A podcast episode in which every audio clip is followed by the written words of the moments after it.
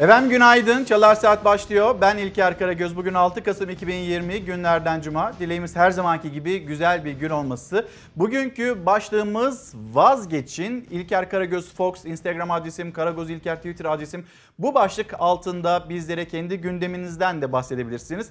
5 ana başlığımız olacak bugün kuşkusuz. ilk başlığımız İzmir'de yaşanmış olan deprem, acı kaybımız ve bundan sonra yapılacaklar. Siyaset işte topu bir o tarafa atıyor bir bu tarafa atıyor ama Öncelikle vazgeçilmesi gereken konu bu. Siyasetin bir çözüm bulması gerekiyor. Birbirini suçlamaması gerekiyor. Koronavirüs tedbirsiz davrananlar var ve Türkiye için tehlike çanları çalıyor. Bununla ilgili yeni bir düzenleme, yeni bir genelge de yayınlandı. 81 ile gönderildi. Bunun bilgilerini aktaracağız. Ekonomi kuşkusuz en önemli gündem maddelerimizden bir tanesi. Torba yasa. Torba yasada işçiler için ne geliyor, neleri götürmeye çalışıyor. Kıdem tazminatı ile ilgili ciddi bir e, kaybediş olabilir olabilir, geri gidiş olabilir. Bu torba yasanın bir an önce geri çekilmesini istiyor ve sendikaların ortak çağrısı vazgeçin. Zaten başlığımızda buradan çıktı. Amerika Birleşik Devletleri'nde seçim devam ediyor. Hala başkan kim belli değil ama Biden Amerika Birleşik Devletleri'nde başkan gibi en azından bunu söyleyebiliriz.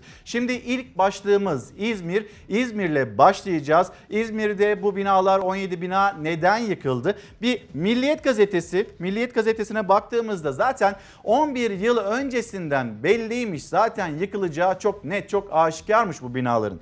İzmir'de depremin yıktığı bölgede yapılan incelemede 1490 binadan yalnızca 39'u iyi durumda çıkmış. İzmir Valiliği ile İnşaat Mühendisleri Odası'nın 2009 yılında gerçekleştirdiği yapı stoğu araştırması depremin yıkılmasına, yıkıma neden olduğu Bayrak'taki birçok yapının olası bir depremde yıkılabileceğini 11 yıl önceden haber vermiş. Rapora göre 3 pilot bölgede incelenen 1490 binadan sadece 39'u iyi durumda bulunmuş deniliyor. Yani 11 yıl önceye gittiğimizde, döndüğümüzde, o günkü raporları değerlendirdiğimizde e zaten bu binaların yıkılacağı görülmüş, gözlemlenmiş. Biz de yani öyle şeyler yapmışız ki ki sonradan da çok fazla da böyle denetlenmemiş. Bu binaların yıkılması için sanki herkes oradaki değirmene su taşımış. Hemen bir tablo gösterelim. Belki dün ana haber bülteninde de gördünüz. Yılmaz Erbek Apartmanı, Yağcıoğlu Apartmanı, Emre Apartmanı, Barış Sitesi, Doğanlar Apartmanı, Rıza Bey Apartmanı. Şimdi mesela Yılmaz Erbek Apartmanı'na dönüp baktığımızda 9 iş yeri birleştirildi. Kolon kesildi. Dış duvarlar cam ekana çevrildi. 9 kişi hayatını kaybetti. Yağcıoğlu apartmanı Bodrum katında yapılan tadilattan dolayı sürekli su dolmaya başladı. Ya bir kişi de ya ne oluyor bizim burada neden e, Bodrum katlarımıza su doluyor? Bunu bir araştıralım demedi mi? Ya da dedilerse ellerine bir rapor aldılarsa ne yaptılar? Emre Apartmanı 2005 depreminde çatraklar oluştu ancak sözde tamir edildi. 32 kişi hayatını kaybetti. 32 kişiye mezar oldu bu enkaz, bu apartman. Barış sitesi plana uygun olmayan tadilat çalışmaları yapıldı. 11 ölü. Doğanlar Apartmanı 2018'de tadilat yapıldığı sıvılaşma riski belirtilmesine karşın binanın yeniden yapılmasını sakinleri istemedi. 14 ölü. Rıza Bey Apartmanı 2005 depreminde binada oturma tespiti e, tespit edildi. 2020'de malzeme nedeniyle çöktü ve Rıza Bey apartmanında da maalesef 34 canımızı kaybettik. Şimdi buradan başlayalım. Soru şu, bu binalar neden yıkıldı? İşte bu binalar denetimsizlik yüzünden ya da ihmaller yüzünden yıkıldı. Komşular bizim evimiz yıkılmış. 114 kişinin canına, onlarca ailenin evine mal olan İzmir depreminin ardından yıkılan binalarla ilgili adliyeye sevk edilen 9 şüpheliden 7'si tutuklandı. İkisi adli kontrol şartıyla serbest bırakıldı. İfadelerinde biz o zamanın şartlarına göre inşaat yaptık, eksik ya da yanlış malzeme kullanmadık dediler. Onlar için yargı süreci başlayacak. Depremzedeler için de eksik ve zor bir hayat. WhatsApp grubumuz var, komşu grubu. Arıyorlardı. Onu duyunca zaten hanım yıkıldı. Ayla benim telefonlarım hiçbirine ulaşılamıyor. Ben telefonla hiç kimseye ulaşamadım. Apartmanda falan bir sıkıntı yok değil mi? Yıkık falan. Komşuların kurduğu iletişim grubunda deprem günü sorular ard arda geldi. Dışarıda olanlar yıkım yok değil mi diye soruyordu ama vardı. Üstelik bu manzara göz göre göre geldi. Herkes biliyordu ama herkes sustu ve canlar gitti. Kolonlar bizi ürkütüyordu yani nasıl olur bu kolonlar bu kadar küçük ve ince. E sorduğumuzda yetkililer e, zaten ya buraya onay verilmiş korkulacak bir şey yok.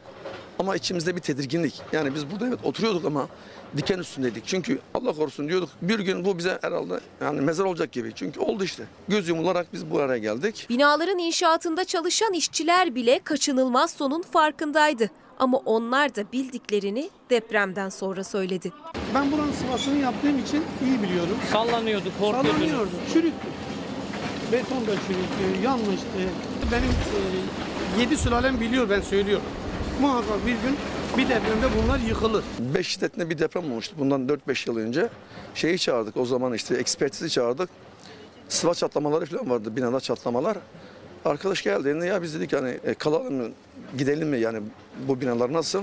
Ya dedi siz şükredin yani sizin binanız sağlam. Sağlam denen binalar yıkıldı. Barış sitesinde 11 kişi öldü. İsmail Turhan site yöneticisi. Dava açmaya hazırlanıyor. Hem müteahhite hem oturulabilir raporu veren belediyeye hem de kontrole gelip sağlamdır diyen sigorta şirketine. Bunların hukuki boyutları olacak. Buna izin veren e, fen işleri, belediye ile ilgili de yasal işlemler yapılacak. Zamanında inşaatlar yükselirken görüp uyaranlar da olmuştu müteahhitleri. Adam tuttu kolumdan. Adamları var dövecek beni tek başımayım. Dedim ki ya yaptığınız günah yarın beddua alacaksınız. Defol git dedi. Böyle kanun mu olurmuş dedim. Zorla benim evimi alacaksın dedim. Eşekten affedersin eşekten semer alır gibi alacağım. Kanun var benim elimde dedi. Kanun kanunsuzluğa çalıştı. Herkes gördü, herkes bildi ama ölümün önüne geçilemedi. Önce para hırsı, sonra ihmaller zinciri. 114 canı hayattan kopardı. Bak kaç sene oldu? 30 sene ya oldu ya olmadı. Ya Rabbi ben müneccim değilim. Bak sonunda ne oldu? Kaç tane kurban verdik? Para kazanılır ama giden geri gelmez. Türkiye deprem bölgesi. Aslında deprem öldürmüyor bizi. Maalesef binalar, e, burada gezen müteahhitler işte. Bu müteahhitleri da e, denetlemeyen bir mekanizma. İlk etapta deniliyor tamam hesap soruluyor ama deprem olduğunda görüyoruz ki Türkiye'nin farklı illerinde manzara aynı.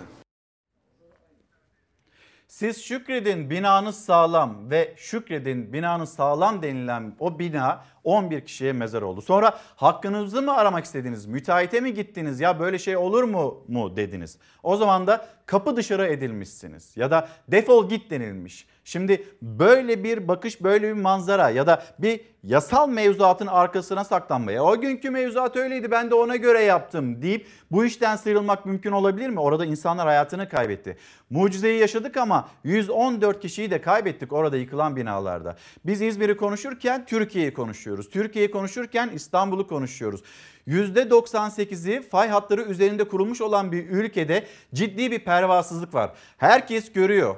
Herkes olacağı yaşanacağı biliyor ve herkes susuyor. İnşaat işçisi sıva yaparken ya bu ne biçim bina diyor ama o cümlesi o günde kalıyor. Yıllar sonra işte bu deprem yaşandığında ortaya çıkıyor. Ben zaten söylemiştim o zaman yıkılacağını diyor. 2009 yılından bir rapor var ve 2009 yılında ortaya çıkan rapor zaten söylüyor bize. Daha o günden söylüyor. 11 yıl öncesinden bizi uyarıyor ama kimse adım atmıyor.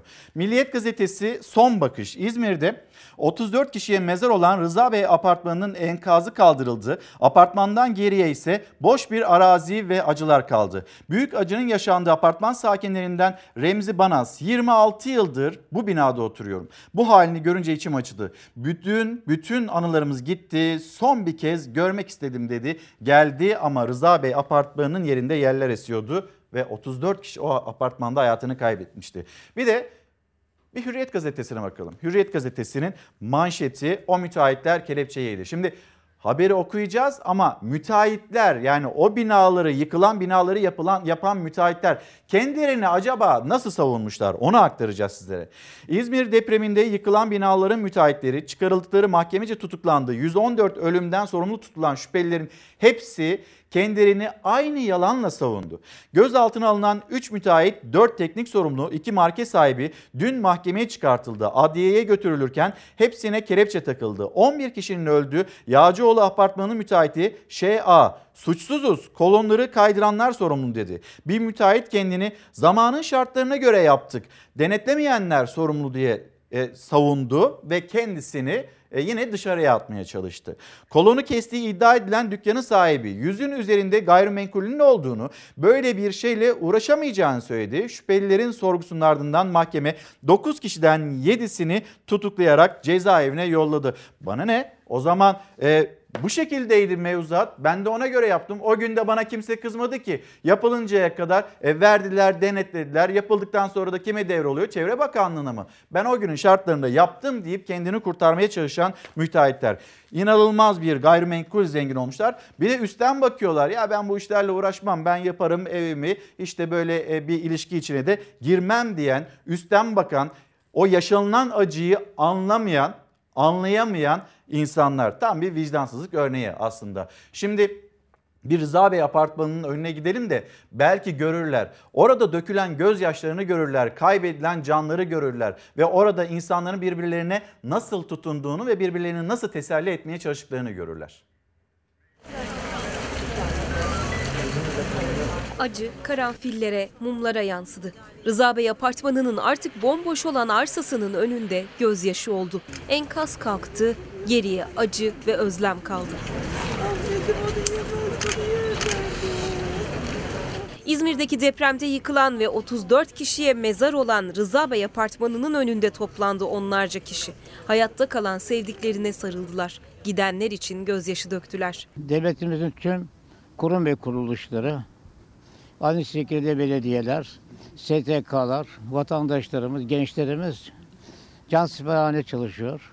İzmir depreminin birinci haftasında yaralar sarılmaya çalışılıyor. Enkazlar birer birer kaldırılırken şehrin pek çok yerine kurulan çadır kentlerde de giderek soğuyan havaya rağmen hayat devam ediyor. Türkiye'nin farklı illerinden gelen yardımlarla depremzedeler bir nebze olsun rahatlatılmaya çalışılıyor. Sarsıntının etkisiyle e, insanlar çok psikolojisi bozuldu. Hani depremden dolayı. Benim de iki tane köpeğim var burada. Onların bir de psikolojisi bozuldu diyebiliriz. Bütün eşyaların döküldüğünü fark ettim. Sallanmaya başladı tabii ortalık. Ee, bir anda kendimi kapı önünde buldum. Yani salonun kapısında buldum ve ilerleyemedim o anda. Büyük betonların bile hafif böyle ses yaptığını, toz bulutunun kalktığını, hemen yanındaki yolda ise arabaların durup insanların dışarı çıktığını bağırışarak. İzmir Büyükşehir Belediyesi'nin başlattığı bir kira bir yuva kampanyasındansa güzel haberler var. Büyükşehir Belediye Başkanı Tunç Soyer bugüne kadar 20 milyonun üzerinde yardım toplandığını açıkladı. Kampanyaya 2107 kişi kira desteği verdi. 109 kişi ise evini paylaştı. Hasarlı binalar yıkılırken bir de bu görüntü yansıdı kameralara. Camda asılı Türk bayrağını gören iş makinesi operatörü önce bayrağı aldı sonra yıkıma başladı. Onun bayrak hassasiyeti çevredekilerden alkış aldı. Uzak dur.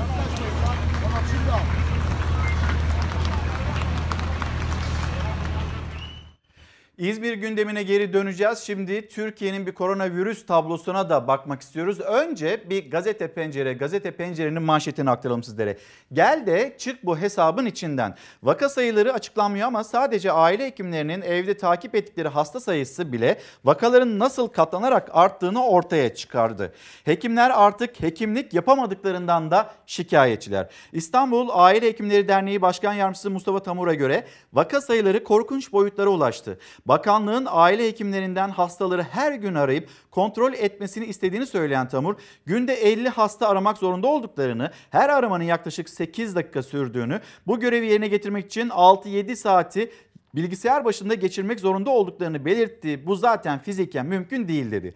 Sağlık Bakanlığı hasta kontrol görevi verdiği aile hekimlerinin ek ödemelerinin de bu performansa bağlandığını hatırlattı. Bu sekreterya görevini aile hekimleri yapacaksa hastaları da sekreter arkadaşlar tıbbi sekreterler muayene etsin diyerek uygulamaya da tepki göstermişler. Balıkesir'de vaka sayısının da yine 8 kat arttığını söyleyelim. Balıkesir valisi Hasan Şıldak kentte vakaların 3 kat artış içinde olduğunu bildirdi, paylaştı. O zaman gelelim bir de Türkiye'nin koronavirüs tablosu. Onu da aktaralım. Sağlık Bakanı Fahrettin Koca, Fahrettin Koca'nın sosyal medya üzerinden yapmış olduğu e, o paylaşım aslında bize Türkiye için o tehlike çanlarının nasıl çaldığını da göstermekte söylemekte. Çok net ifade etmiyor ama satır aralarından okuduğunuz zaten başka bir şey değil. Tespit edilen hasta sayısı 2311.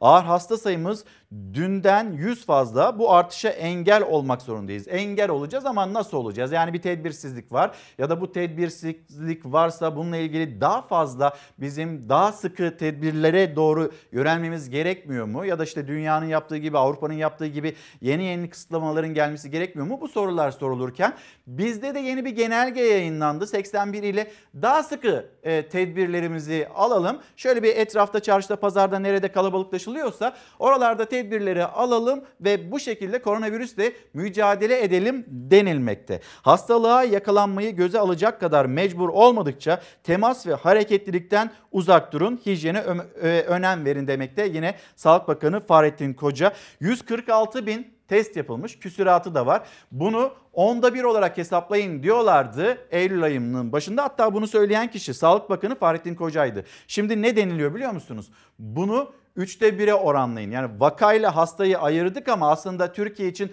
vaka sayısının 40 binleri aştığı, günlük vaka sayısının 40 binleri aştığını görüyoruz, gözlemliyoruz. Vazgeçin. Tedbirsiz davranmaktan vazgeçin. Çünkü dönüp baktığımızda çok sıkı tedbirler alınmayacak Türkiye'de ve hala tabloda 81 kişinin hayatını kaybettiğini görüyoruz. Biz aylar sonra 8 ay sonra belki de bu kadar büyük bir ölüm oranıyla ölüm sayısıyla karşı karşıyayız. Vazgeçin, tedbirli olun.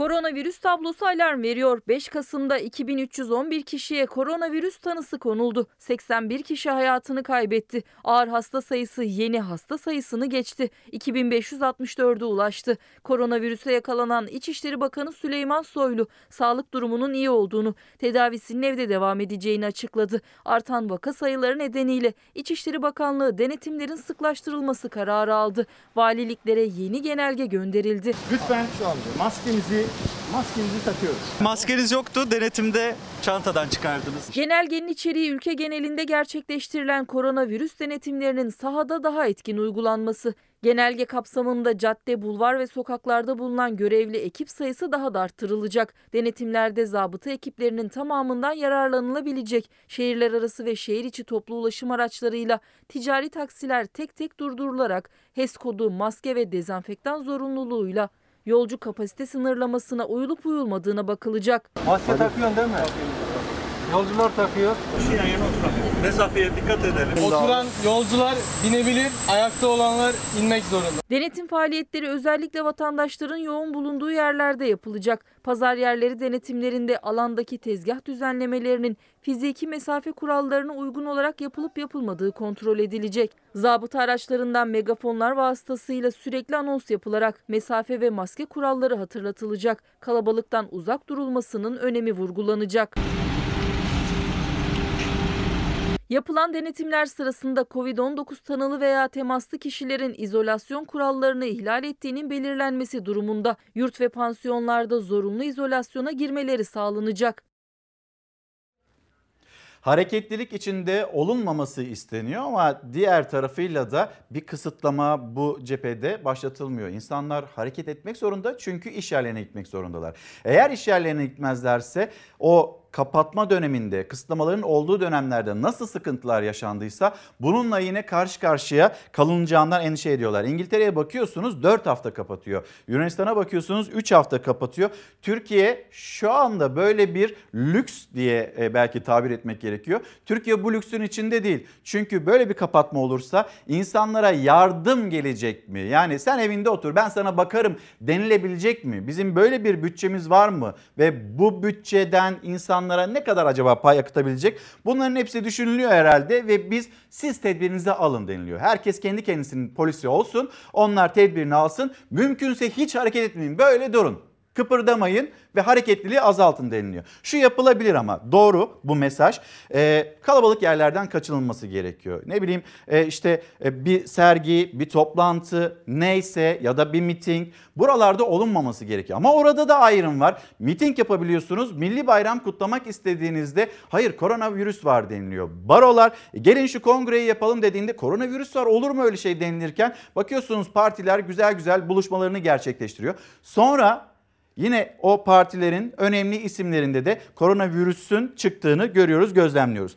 Aysel Yavuz, günaydınlar Ankara'dan selamlarını iletiyor. Pandemideki bu umursamazlıktan vazgeçin çok ciddi tedbirler gerekiyor demekte. Arzu Hanım Avşa Adası'ndan günaydın demekte. Nilgün Hanım işçinin, emekçinin kıdem tazminatına her türlü yasal haklarına dokunmaktan vazgeçin demekte. Bununla ilgili bir yayın gerçekleştireceğiz. Türk İş'in Genel Sekreteri Pevrul Kavlak az sonra yayınımızda olacak. Bu yasa ne getiriyor? Bunu anlamamız lazım. Bunu bilmemiz lazım. Ve niçin getiriliyor? Birazdan kendisiyle konuşacağız. Güzel bir gün olsun demekte Gülben Hanım da. İnsanları, ağaçları, hayvanları zehirlemekten vazgeçin. Önüne gelen müteahhit oluyor, oy alacağız diye insanların canını tehlikeye atmaktan vazgeçin demekte. Arzu Hanım da enerjinizi çözümler bulmaya, önlemler almaya ayırın, tartışmaya değil demekte. Neden böyle söylüyor? Şimdi bir deprem var, can kayıpları var.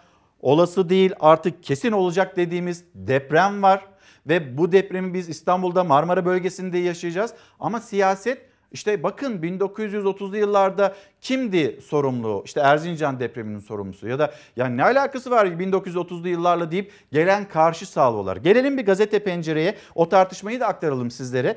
Deprem atışması 1930'lara gitti. Cumhurbaşkanı Recep e, Tayyip Erdoğan partisinin genişletilmiş il başkanları toplantısında yaptığı konuşmada İzmir depreminin ardından iktidara yönelik eleştirileri hedef e, alırken eleştirilerle 1939 yılındaki Erzincan depremine örnek verdi. O dönem CHP sözcüsünün dedesi İçişleri Bakanıydı dedi. Faik Öztürk'ten bahsediyor. CHP Grup Başkan Vekili Özgür Özel ise bunun cevabını siyaset içinde vermeye kalksan kafaya huni geçirmen lazım cevabını verdi. Vatandaşın beklediği kuşkusuz bu tartışmalar değil. Bu tartışmalar ta seneler seneler öncesine giden 81 yıl öncesine giden bu tartışmalar değil. Vatandaşın istediği, beklediği artık deprem konusunda somut adım, kentsel dönüşüm mü yapılacak? İşte bunu yapın demekte. Vazgeçin artık birbirinizi suçlamaktan diyor vatandaş. Bu işin çok daha gerisi var. Erzincan depreminde 33 bin vatandaşımız rahmetli olmuştu. CHP'nin sözcüsünün dedesi de o zaman İçişleri Bakanıydı. 39'daki depremden Faik Öztürk'ün dedesi sorumluymuş. Bunun cevabını siyaset içinde vermeye kalksan kafaya huri takmak lazım. Deprem polemiğinde kurulan her cümle iktidarla muhalefet hattında tartışma konusu. Cumhurbaşkanı bu kez 81 yıl öncesine gitti. 1939'da yaşanan Erzincan depreminde CHP sözcüsünün dedesi İçişleri Bakanıydı dedi. Büyük Erzincan depreminin faturasını CHP'ye kesti. 1939 Atatürk'ün ölümünden bir yıl sonra çemkirdiği Atatürk, suçladığı Atatürk, saldırdığı Atatürk. Bir hafta önceki depremin sorumluluğunu alma 39'daki depremden Faik Öztürk'ün dedesi sorumluymuş. Bu kadarına da pes diyorum. Şöyle geriye bakıp neler olmuş bunu sorgulama hassasiyetini göstermeyen bu zihniyet şimdi kalkıyor bu yalan yanlış ifadeleri kullanabiliyor. İzmir'deki kayda girmiş ilk deprem milattan önce 26 yılında yaşanmış. Milattan sonra 7. yüzyılda da 7 büyüklüğünde bir deprem yaşanmış. Sayın Cumhurbaşkanı 7. yüzyılda yaşanan İzmir depreminin failleri kim? Yahu el insaf be. Cumhurbaşkanı bir gün önce 1999 Marmara depremi için CHP'yi suçlamış. CHP'den de o dönem koalisyon vardı. Koalisyon ortağı da MHP'ydi yanıtı gelmişti. Cumhurbaşkanı bu kez 81 yıl öncesinde yaşanan Erzincan depremini gündeme getirdi. Yeni günde de Kılıçdaroğlu hedefindeydi. Grup konuşmasındaki sözleri CHP'den yalan açıklaması geldi. Depremin 5. günü hala enkaz tümüyle kaldırılmış değil. Bütün umutlarımız nasıl 65 saat sonra sevgili Elif, 91 saat sonra minik kızımız Ayda kurtarılıyorsa inşallah şu anda enkaz altında olanlar da kurtarılır. Ana muhalefetin başındaki zat 5. gün oraya yapmış olduğu turistik seyahatte 5 gün oldu diyor. Hala enkazlar kaldırılmadı. Bir ülkenin cumhurbaşkanına bu kadar göz göre göre yalan attırmayın. Enkaz kaldırmada bir yarışın içerisine girilmiş olsaydı 5. gün Enkaz altından o yavru nasıl çıkarılacaktı? Yani bir işi bilirsin konuşursun. Ama bilmediğin iş hakkında niye konuşursun? Sus da adam sansınlar. AK Parti ile muhatap olanlara çok yıpranma vermek lazım siyaseten. İzmir'de enkaz altında kalan Cumhuriyet Halk Partisi zihniyetinin belediyecilik anlayışı olduğu belgelenmiştir. Bahçeli de İzmir depreminin faturasını CHP'ye kesti. Depremin siyasetteki artçısı sürüyor. Ayşe Hanım, Ayşe Rızaoğlu günaydınlarımızı iletelim. Oğlum koronavirüsün bu kadar çoğalması acaba tedbirleri almakta geç mi kalıyoruz sorusunu bende uyandırıyor demekte. Denetimlerin de yetersiz olduğu gibi bir durum mu var? Galiba herkes işine geldiği gibi davranıyor. Keşke her şeyin sorumluluğunu alabilse. Devletin yetkilileri ve aynı zamanda vatandaşlar uyaran bir mesajı paylaşıyor bizimle. Sözcü gazetesine bakalım. Sözcü gazetesinde önce ikinci detayı okuyalım İrfan.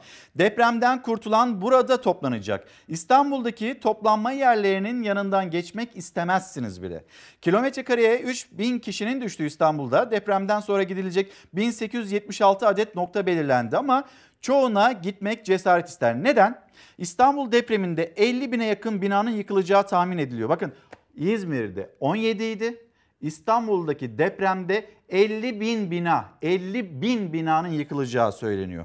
Felaket büyük. İnsanlar ölmez sağ kalırsa yakınlarıyla buluşabilsinler diye AVM'ler, parklar, mezarlıklar ve bazı binaların yanı toplanma yeri olarak belirlendi. Tabelalar asıldı ama binalar çürük. Şöyle bir o fotoğrafa doğru girdiğimizde baktığımızda orada bir tabela var. Tabelanın asıldığı kolon patlamış. Yani toplanma yeri olarak gösterilen yer o bina ve o binayı taşıyan kolon zaten patlamış. O gün öyle bir deprem olduğunda zaten o toplanma yeri de olmayacak bize bugünden söylüyor. Hani nasıl 11 yıl öncesinde İzmir'de bugün yaşanacak felaket söyleniyorsa gösteriliyorsa raporlarla işte bugünden görüyoruz 6 Kasım 2020.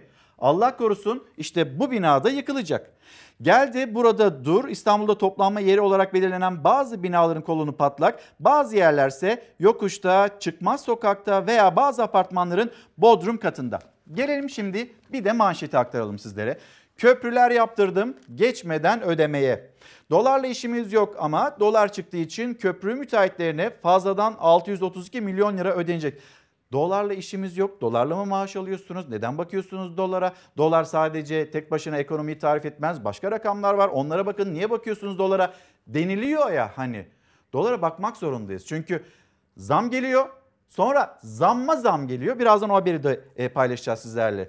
Geçiş garantisi verilen tünel ve köprüleri işleten şirketlerin gözü dolarda. Çünkü dolar arttıkça onlara garanti için yapılacak ödeme de kabarıyor. İşte Yavuz Sultan Selim Köprüsü 1.2 milyar lira ödendi ilk 6 ay için. 2.3 milyar lira ödendi Osman Gazi Köprüsü'ne yine ilk 6 ay için. Avrasya Tüneli ilk 6 ay için 348 milyon lira ödendi. Diğerlerine göre daha fazla kullanılan bir tünel olduğu için Avrasya Tüneli'ndeki rakam biraz daha aşağıda. Şimdi İrfan hemen bir e, arkamızdaki ekrana yansıtalım. Hani zamma zam nasıl olur? Seneler önce Kemal Sunal filminde biz bunu görmüştük ama bugün de mi bunu yaşıyoruz? E, evet çünkü akaryakıt dolara dolar kuruna bakıyor. O zaman biz bunu yaşıyoruz. Çünkü doların 8 lira 42-43 seviyesine geldiğini gördük.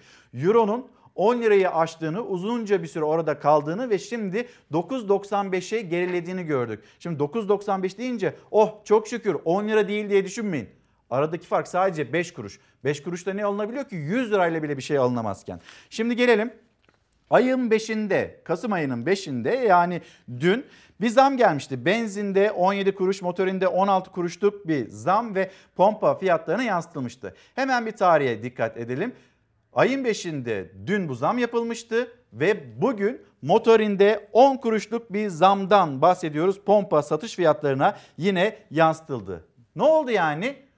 Akaryakıt dolara baktı. Hani vatandaş ya da bu doları soranlara bakmayın dolarla ne işiniz var? Dolarla mı maaş alıyorsunuz? Dolar borcunuz var denilirken dolar borcumuz olmasa bile e, her şey ekonomi e, dolara bağlı. İhracat yapmak için bile ithalat yapıyoruz. İthalatı Türk lirasıyla yapmıyoruz ki biz bu anlaşmayı yapalım. İşte diğer ülkelerle kendimize yakın bulduğumuz diplomatik anlamda iyi ilişkilerimiz olduğunu düşündüğümüz ülkelerle Türk lirasıyla alışveriş yapalım dediğimizde bu da tam olarak hayata geçmedi. E şimdi biz dolara bakmak zorundayız. Sadece akaryakıt için bile bakmak zorundayız. Çünkü zamma zam geliyor. Daha dün benzini 17, motorine 16 kuruş zam gelmişti. Yeni gün zamma zam eklendi. Motorin 10 kuruş daha zamlandı. Akaryakıt fiyatları dolara bakıyor. Kurdaki değişiklik pompaya zam olarak yansıyor. Türkiye'nin de dahil olduğu Akdeniz piyasasındaki işlenmiş ürün fiyatlarının ortalamasıyla dolar kurundaki değişiklikler baz alınarak rafineriler tarafından hesaplanıyor. Dolar 8,42 seviyelerinde. Sonucu da akaryakıta zam hem de 24 saatte ikinci kez. Motorinin litre fiyatı bugünden itibaren geçerli olmak üzere 10 kuruş daha zamlı ve yeni fiyatı Ankara'da 6 lira 33 kuruş, İstanbul'da 6 lira 12 kuruş, İzmir'de ise 6 lira 36 kuruş oldu. Bir kez daha Hürriyet gazetesindeyiz. Cumhurbaşkanı Erdoğan açıklamaları İzmir için yol haritasını açıkladı. Cumhurbaşkanı Erdoğan İzmir'de izleyecekleri yol haritasını açıkladı. Enkaz kaldırma çalışmaları en kısa sürede tamamlanacaktır. Bir ay içinde deprem konutlarının yapımına başlayacağız. Önümüzdeki yıl evleri teslim edeceğiz. Yol haritamız bu dedi Gizem Karakış'ın haberi Hürriyet gazetesinde. Şimdi bir haber daha paylaşacağız. Bugün pek çok gazetenin ilk sayfasında yer alıyor. Yani Galiba bundan da vazgeçmemiz gerekiyor. Sosyal medyada biraz daha fazla e, dikkat çekmek için ya da nasıl söyleyeyim beğeni almak için böyle abuk sabuk hareketler yapmaktan da vazgeçmek gerekiyor. Üstelik böyle günlerde yani bütün Türkiye'nin acısı var, yası var ve diğer tarafta bir görüntü izleyeceksiniz. Aslında bir skandal görüntüsü de değil. Bu bir gıda terörü görüntüsü ve Hürriyet gazetesindeki o haber. Fabrikada süt banyosu. Konya'da bir işçinin süt toplama tesisinde kazanda süt banyosu yaparken çekilen görüntüleri şok etkisi yarattı. Bütün ülke el birliğiyle Türkiye'nin dört bir yanından gelen ekiplerle ekranlara kilitlenmiş olan milyonlarla Gelecek olan, gelebilecek olan mucizelere kilitlenmiş bir hayat daha kurtarılabilir mi? Bunun endişesini ya da mucizesini yaşamak için böyle kenetlenmiş durumdayken birileri süt banyosu yapıyor. Yani akla hayale sığmayacak hareketler, tavırlar neden yapılıyor bu abuk sabuk hareketler? Bundan da vazgeçelim. Süt teknesinde banyo yaptı. Çektiği videoyu sosyal medyada paylaştı ortaya skandal değil gıda terörü görüntüsü çıktı. Konya'daki bir süt toplama merkezinde çalışanlardan birinin teknenin içerisine doldurulan sütle banyo yaptığı görüntüler sosyal medyayı dalgalandırdı. Paylaşımın ardından Tarım Bakanlığı hızla devreye girdi. Tarım ve Orman İl Müdürlüğü yetkilileri firmanın faaliyetine son verdi ve idari para cezası uyguladı. Konya'daki bir süt üretim tesisinde olduğu ileri sürülen halk sağlığını ve gıda güvenliğini hiçe sayan görüntüler üzerine söz konusu işletmeye ekiplerimiz ivedilikle yönlendirilmiştir. İş yeri kapandı. Paylaşımı yapan çalışanın iş aktif feshedildi. Hakkında yasal işlem başlatıldı. Banyo yapan Emre S ile görüntüleri sosyal medyada paylaşan Uğur T gözaltına alındı. Cumhuriyet Gazetesi'ne bir geçiş yapalım. Cumhuriyet Gazetesi'ndeki 3 haberi de okuyalım. Üçüncü haberimizde mecliste dün hani torba yasa torba yasa bir kısmıyla çalışanlar ve çalışanlardan e, gasp edilen haklar sendikalar bu bir kölelik yasası demekte ve biz hakkımızı gasp ettirmeyeceğiz demekte. Bunun mücadelesi var bunu konuşacağız. O torba yasa işçiler ne getiriyor ne götürüyor. Az sonra Peyrul Kavlak'la yani Türk İş Genel Sekreteri ile Türk Metal Sendikası'nın başkanı ile konuşacağız. Şimdi gelelim 18 yıllık suçu örtme telaşı. Bu haberle başlayalım Cumhuriyet Gazetesi'nde. Depreme karşı hiçbir hazırlık yapmayan Erdoğan iktidarı CHP'yi suçladığı sorumluluğu yurttaşa yıktı denilmekte haberde. Bilim insanlarının sayısız uyarısına karşın 18 yıldır deprem önlemlerini almadığı gibi toplanan paraları farklı alanlara harcayan AKP iktidarı eleştirileri örtmek için 1939 Erzincan depremini gündeme getirdi. Erdoğan CHP sözcüsünün dedesi yani Faik Öztrak'tan söz ediyor. İçişleri Bakanı'ydı diye konuştu. Erdoğan yeni konutların yapılması konusunda da yol haritasını açıkladı. Az önce Hürriyet gazetesinden o yol haritasını aktardık sizlere. Eğitimde laiklik boykotu Cumhuriyet gazetesinin manşeti. Laikliği kavrayamayan Milli Eğitim Bakanlığı'na bağlı bürokratlardan vahim paylaşım bunu da gördük. Cumhurbaşkanı Erdoğan'ın Fransız mallarına boykot çağrısına Menteşe İlçe Milli Eğitim Müdürlüğü sosyal medya hesabından yaptığı paylaşımla destek verdi. Paylaşımda Fransız markası olduğu iddia edilen markaların bulunduğu görsel yer aldı. Markalar arasında laiklik de var. Temel ilkeleri arasında laiklik olan Milli Eğitim Bakanlığı'na bağlı bürokratlar peş peşe görseli paylaştı. Boykot çağrısı yapanlar arasında ilçe Milli Eğitim Müdürü Soner Kaya, şube müdürleri Muammer Cihan, Eğlen Terzi, Ali Kaan Kutlu ile Milli Eğitim Bakanlığı'na bağlı kurumlar da yer aldı. Bunu da gördük manşetiyle Cumhuriyet Gazetesi bugün okurlarının karşısında. Gelelim tartışmalı torba yasa ve o torba yasanın getirmiş olduğu aflar vardı. Bu torba yasanın içinde yine vergi af var. Çiftçiye müjde olarak Milliyet Gazetesi'nde görülmüş bir yapılandırma. Yani çiftçi zaten ben geçinemiyorum demekti. Siz sürekli ithalat kartını çektiğinizde ben kendi malımı satamıyorum ki benim malım ucuz diyor. Ama benim girdilerim, maliyetim, elektriğim, suyum her şeye zam geliyor. Yeme zam geliyor. Her şeye zam gelirken siz ithalat kartını çektiğinizde e şimdi ben zaten zarardayım. Bana yapılandırma getirseniz de ben zaten tekrar nefes alabilecek duruma gelecek miyim? Bunun endişesini yaşıyor. Esnek çalışmayı genişleten torba yasanın 20 maddesi geçti. Buna göre vergi borçları yapılandırılarak 18 taksitle ödenebilecek. Hemen isterseniz bu haberi ekranlarınıza taşıyalım ve bu torba yasadan çıkan yeni düzenleme af ya da müjde olarak adlandırılan ne göstermiş olalım. Yaklaşık 2 senedir vardı vergi borcumuz. 30-35 civarı ödeyemedik. 10 madde geçti. Vergisini ödemeyeni af, çiftçiye yapılandırma genel kuruldan geçti. Mecliste görüşülen işsizlik sigortası kanunuyla bazı kanunlarda değişiklik yapılması hakkında kanun teklifinin ilk 10 maddesi kabul edildi. İlgili maddelerde içlerinde KYK borçlarının da olduğu vergi yapılandırması da bulunuyor. Vergi borçları yapılandırılarak 18 taksitle ödenebilecek. Gelir vergisi, kurumlar vergisi, KDV, motorlu taşıtlar vergisi, özel tüketim vergisi, tüm idari para cezaları, KYK borçları ve hazine alacaklarını kapsayan vergi borçları yeniden yapılandırılabilecek.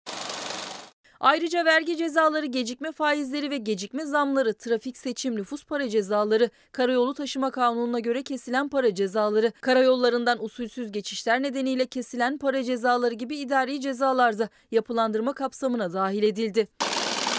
Değişikliğe göre Tarım ve Orman Bakanlığı'nca tarımsal amaçlı kooperatiflere veya bu kooperatiflerin ortaklarına 31 Ağustos 2020 tarihinden önce kullandırılan kredilerde yapılandırmadan yararlanabilecek.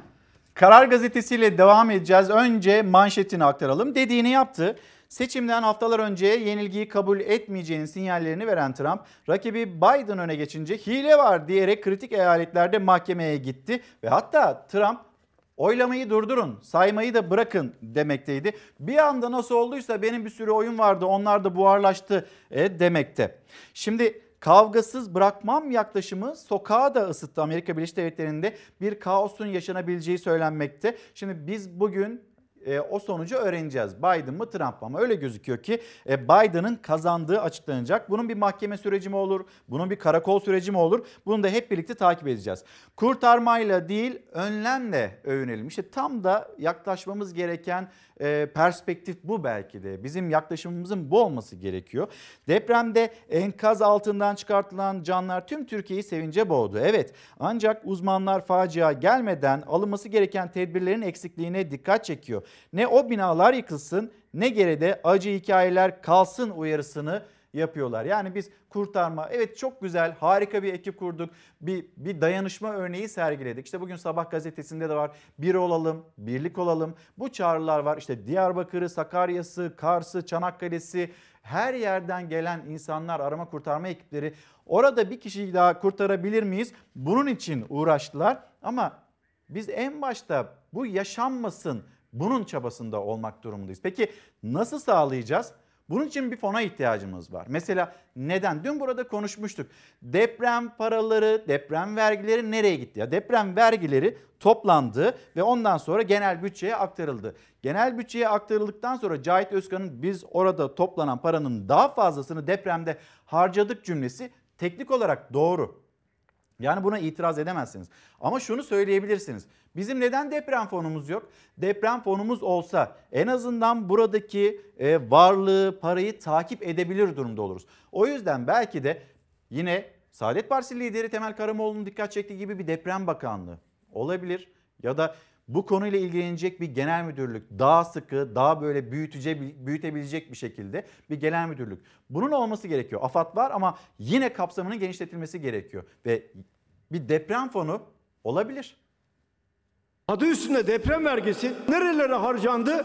Doğru cevaplar almak istiyorsanız doğru soruları sormak zorundasınız. Modern ülkelerde vergiler e, belli giderler için özgülenmezler. Bütçe kanunu gereğince vergiler bir havuzda toplanır. Bu bir fonda toplansın. O zaman şu soruyu sorabiliriz. Evet bu fondaki paralar neredeydi? Onlarca canın yıkılan binaların altında kaldığı bir depremin daha ardından gündeme gelen ilk soru deprem için toplanan vergilere ne oldu? Ama aslında özel iletişim vergisi 99 depremi sonrası geçici süreyle getirilmişti. 2003 yılında kalıcı oldu. O yıldan beri de genel bütçeye aktarılıyor. Vergi uzmanı Ozan Bingöl doğru olan bir vergi fonunun kurulması diyor. Bunun adı deprem fonu olabilir, bunun adı afat fonu olabilir, bunun adı afet fonu olabilir. Aynı işsizlik fonunda olduğu gibi. İşsizlik fonundaki parayı biz bugün sorabiliyoruz. İşsizlere ne kadar harcandı ya da bu paradan işverene niye para harcandı diye. Çünkü görüyoruz. 17 yılda deprem vergilerinden toplanan 147 milyar lira Toplanan para deprem vergisi adı altında bir hesapta tutulmuyor. KDV, ÖTV, MTV gibi genel bütçe havuzuna aktarılıyor yıllardır. Bütçe açığının kapatılmasında, borç ödenmesinde ya da herhangi bir yatırımda kullanıyor devlet. Ancak işsizlik fonu gibi bir deprem fonu kurulsa tartışma büyük oranda bitecek. Bir tek amaca özgülenebilir o zaman. Bu fon deprem ne kadar harcadınız?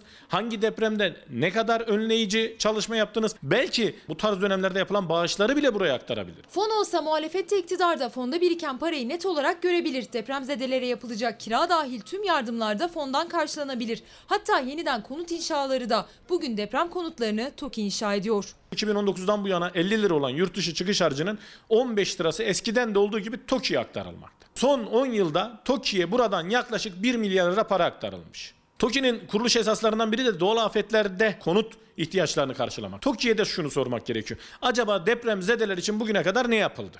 Ya da ne yapılıyor? TOKİ'nin kuruluş esaslarından biri depremlerde konut ihtiyaçlarını karşılamak. TOKİ deprem konutu yaptı, yapıyor da ama bedava değil. Depremzedelere de belirli bir fiyatla ve ödeme koşullarıyla konutlar sunuluyor. TOKİ'ye yurt dışı çıkış harçlarından aktarılan paylar da bu fonda toplansaydı hem depremzedelere doğrudan direkt bu fondan yardım ulaşmış olacaktı hem de bu paraların nerelere harcandığı sorularına kamuoyunu şeffafça bilgilendirebileceğimiz bir mecraya, bir ortama kavuşmuş olacaktık. Amaca özgülenip bir fon oluşturulursa depremle ilgili mesela işsizlik fonu var, kıdem tazminatı tartışması var. Kıdem tazminatı ile ilgili fon kurmak akıllara geliyor ama depremle ilgili bu ülkenin en önemli meselelerinden bir tanesiyle ilgili neden fon kurmak kimsenin aklına gelmiyor? İşsizlik fonu var. İşsizlik fonunda biz 130 milyar liranın toplandığını biliyoruz. Sonra o 130 milyar, şimdi bunu takibini yapmak mümkün fon olduğunda 105 milyar indiğinde e, nereye gitti bu para diye bunun yasal mevzuatını e, ya da yasanın çıkması gerekiyor. Bu paranın nereye aktarıldığını, alındıysa, kullanıldıysa nereye aktarıldığının izah edilmesi gerekiyor. Yasal çerçeve içinde. E, öğrendik işverenlere teşvik olarak gitti işsizlik fonundaki bu para. E şimdi deprem fonu. Deprem fonuna ne bileyim TOKİ'deki o para yurt dışına çıkış harçları o para aktarılabilir. Bütçeden genel bütçeden bir, bir para aktarımı olabilir. Ve zaten vergiler toplanıyor. Böyle bir fon olursa bunun takibini yapmak da mümkün. Zamanında Mehmet Şimşek ne oldu bu vergiler denildiğinde e, yol oldu, e, köprü oldu, yatırımlara gitti demişti. E o da doğruydu. Çünkü genel bütçeye gitti. Şimdi sizin borcunuz var. Etrafınızdan, arkadaşlarınızdan para istediniz. İşte 200 ondan, 300 ondan. E, o parayı verdikten sonra sana bu parayı veriyorum ama bu borcu öderken gidip de şuraya harcama diyemezsiniz. Genel bütçedeki tavır bu ama bir fon olursa deprem fonu işte bunun hesabını da tutarsınız. Şeffaf biçimde hem de nereye gittiğini sorgulayabilirsiniz, öğrenebilirsiniz. Şimdi bir mola verelim, dönelim çalışma hayatına döneceğiz. Kıdem tazminatına, işçinin haklarına. Efendim bir kez daha günaydın. Çalar Saat devam ediyor. Evden çıkmaya hazırlananlar vardır. Hemen bir memleket havasını paylaşalım sonra konuğumuza döneceğiz. Meteoroloji Genel Müdürlüğü dün Gaziantep, Şanlıurfa, Kilis ve Adıyaman için yoğun yağış uyarısı vermişti. Beklenen yağış geldi. Geldi ve şehirleri alt üst etti. Yaklaşık yarım metreden daha fazla. En büyük zararı ise Şanlıurfa gördü. Yağış nedeniyle bazı cadde ve sokaklarda su birikintileri oluştu. Mahallelerde ise su baskınları yaşandı. Evi komple su basmış görüyorsunuz. Devteşti mahallesinde tıkanan rögar nedeniyle bazı ev ve iş yerlerini su bastı. Bazı vatandaşlar kendi imkanlarıyla ev ve iş yerlerindeki suyu tahliye etmeye çalıştı. Van'ın yüksek kesimlerinde ise çobanlar kar sürpriziyle karşılaştı. Meteoroloji Genel Müdürlüğü'nün yoğun yağış uyarısı verdiği bölgeler bugün genişleyerek devam ediyor. Elazığ, Bingöl, Muş, Bitlis, Diyarbakır, Mardin, Siirt, Batman, Van'ın güneyi, Hakkari, Şırnak çevreleri dikkatli olmalı. Karadeniz'de de Ordu, Giresun, Trabzon ve Samsun'un doğusunda kuvvetli, Rize ve Artvin kıyılarında çok kuvvetli yağış bekleniyor. Doğu Karadeniz'i Doğu Anadolu'ya bağlayan karayolunun Kop ve Ovid geçitlerinde yağışların yoğun kar şeklinde olacağı tahmin ediliyor. Marmara'nın batısı, Kuzey Ege kıyıları, İç Anadolu'nun güney ve Batı Akdeniz'in iç kesimlerinde kuvvetli, Orta ve Doğu Karadeniz kıyılarında kuvvetli fırtına uyarısı geldi. Yaşanabilecek olumsuzluklara karşı dikkatli olmakta fayda var. Hava sıcaklığı güney ve iç kesimlerde 2 ila 4 derece artacak. Kuzey ve doğu bölgelerde ise 1 ila 3 derece arasında azalacak. Efendim bugünkü başlığımız vazgeçin ve bu başlık aslında sendikaların çağrısı, bir torba yasağı ve işçilerden alıp götürdükleri kıdem tazminatı, emeklilik hakkı, 25 yaş altındaki gençler, 50 yaş üstündekiler ve özellikle emeklilikte yaşa takılanları ilgilendiren, bütün herkesi çalışma hayatını ilgilendiren bir düzenleme ve ciddi itirazlar barındırıyor. Şimdi misafirimiz Pevrul Kavlak, Türk Metal Sendikası'nın başkanı, Türk İş Genel Sekreteri. Efendim günaydın. Günaydın. Hoş geldiniz. Hoş bulduk. İyi Şimdi- yayınlar diliyorum. Çok sağ olun. Herkese Teşekkürler. günaydın. Çok sağ olun. Şimdi e, bir haberimiz var. İstihdam paketiyle ilgili. Hemen bir izleyicilerimizle paylaşalım. Sonra da sohbetimize başlayalım. Hay hay. Buyurun izliyoruz. Sakin olun ya.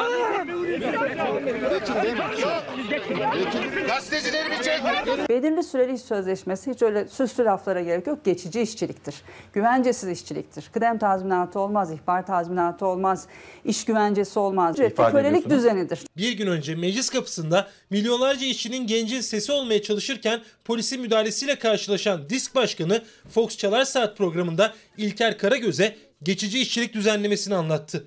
Kölelik düzeni diyerek. Gençleri bu kadar güvencesiz, kölece çalışma koşullarına mahkum eden bir zihniyet asla kabul edilemez. Hakikaten akla zarar bir yaklaşım. 25 yaşın altında ve 50 yaşın üstünde olanlar iş bulursa dua ederler diyorsunuz. Hazır ortam müsaitken iş bulsunlar ama haklarını almadan çalıştırsınlar diyor. Bu akbabalık düzenidir. 51 maddelik torba yasa içindeki düzenlemeye göre işveren 25 yaş altı ve 50 yaş üstü işçilerini ayın belirli günlerinde çalıştırabilecek. O işçiler çalıştıkları gün kadar ücret alacak. 25 yaş altındaysanız eğer ve bir ay içerisinde toplam çalışma saatiniz 10 günün altındaysa işveren sizin için emeklilik primi de ödemeyecek. Gençlerin 25 yaştan önce yaptığı bütün kısmi çalışmalar emekliliklerine yansımayacak. Emekçilerin ileride yaşa takılma gibi primini dolduramama sorunuyla karşı karşıya kalacakları bir düzenlemeyi esnek çalışma düzenlemesine inat ediyor AKP. Günde 10 saatin altında çalıştırılan işçinin çalıştığı günler emeklilik primine de sayılmayacak. Düzenlemeye çalışırsa işten çıkarılmaları halinde işçiler kıdem tazminatı da alamayacaklar. Kıdem tazminatı hakkını gasp etmek, ortadan kaldırmak, tırpanlamak bu ülkede sermayenin 45 yıllık hayali. Şu an aslında iktidar kıdem tazminatı hakkını gasp etmenin yeni bir yolunu keşfetmiş gibi görünüyor ve 25 yaş altı gençler ve 50 yaş üstü çalışanların kıdem tazminatı hakkını ortadan kaldıracak bir yasal düzenleme. Türk İş, Hak İş ve Disk düzenlemeye karşı parlamentoda AK Parti ve MHP dışında muhalefet de iktidardan geri adım bekliyor. Yasa çıkarsa ana muhalefet geçici işçilik düzenlemesini Anayasa Mahkemesi'ne götürecek. Efendim şimdi hemen bu geçici işçilik düzenini ya da düzenlemesini e, Pevrul Bey'e, Pevrul Kavla, Türk İş Genel Sekreterine soralım. Efendim bu düzenleme yine nereden çıktı? Biz yaz aylarında konuştuk. Kıdem tazminatı, kıdem tazminatı rafa kalkmıştı. Şimdi Disk Başkanı Arzu Çerkezoğlu kıdem tazminatını gasp edebilme adına yeni bir formüldür bu demekte. Bize bir anlatır mısınız? Nedir bu? Şimdi İlker Beyciğim, bu ülke ne zaman bir sıkıntıya, ne zaman bir dara, ne zaman bir krize düşse en önde emekçiler var. Biz varız. Ülkenin akciğerleri yanıyor, ormanlarımız yanıyor. En önde biz varız, ateşin ortasındayız. Ülkemizde deprem oluyor, enkazın altındayız. Bir can kurtarabilir miyiz diye canımızı dişimize takıyoruz, gece gündüz çalışıyoruz. Dünyada bir salgın var, ülkemizde bu salgını yaşıyor. Bakın herkes eve kapandı. Ama başta sağlık çalışanları olmak üzere biz gene işimizin başındaydık. Market çalışanları evlere servis yaptılar. Yüzlerce, binlerce evlere servis yaptılar. Kargo çalışanları yüzlerce insanla yüz yüze geldiler. Salgına yakalandılar. Hastalığa yakalananlarımız oldu. Bakın dünya maske bulamadı. Biz dünyaya maske gönderdik. Tekstil işçileri maske üretti. Ben metal sektöründe örgütlüyüm. Biz kit ürettik. Solunum cihaz ürettik. Herkes evine kapanırken bizler çalıştık. Yani biz üzerimize düşeni yaptık. Ülkemiz sıkıntıya girdiği zaman biz gerçekten fedakarlığın kralını yapıyoruz. Ama biz feda olmak istemiyoruz. Biz feda oluyoruz, başkası kar oluyor. Şimdi bu düzenleme bir feda düzenlemesi mi? Kesinlikle öyle. Ama biz bunun bedelini ödemek istemiyoruz. Yani bu krizlerin bedelini artık emekçiler ödemek istemiyor. Bakın size birkaç tane örnek vereyim. Buyurun. Dünya koronavirüsle uğraşıyor. Herkes işinden, ekmeğinden hatta sağlığından endişe ediyor değil mi? Evet. Fakat bizim meclisimize bakıyoruz. Meclisimizde hani ha- Türkiye'de hayat duruyor. Mecliste bizim kıdem tazminatıyla uğraşanlar durmuyor bir türlü. Sürekli pişirip pişirip önümüze getiriyorlar. Biraz önce siz söylediniz. Dört ay önce bu, bu, bu gündeme geldi. Tamamlayıcı emeklilik sistemi adı altında gündeme getirdiler. Gerekçe neydi İlker Bey? Hatırlayın. Herkes alamıyor. Kıdem tazminatından herkes yararlanamıyor. Herkesin yararlanması için biz bu düzenlemeyi yapacağız demediler mi? Dediler. Peki herkesin yararlanmasını istiyorsunuz da şimdi 25 yaş altı 50 yaş üstünü niye kanunla getiriyorsunuz? Onların yararlanmasını niye kanunla engelliyorsunuz? Bu düzenleme doğru bir düzenleme değil. Üstelik bu düzenleme anayasaya da aykırı. Bakın anayasanın 10. maddesi çok açık. Ben buradan size birebir okuyayım. Buyurun dinleyelim sizden. Madde 10.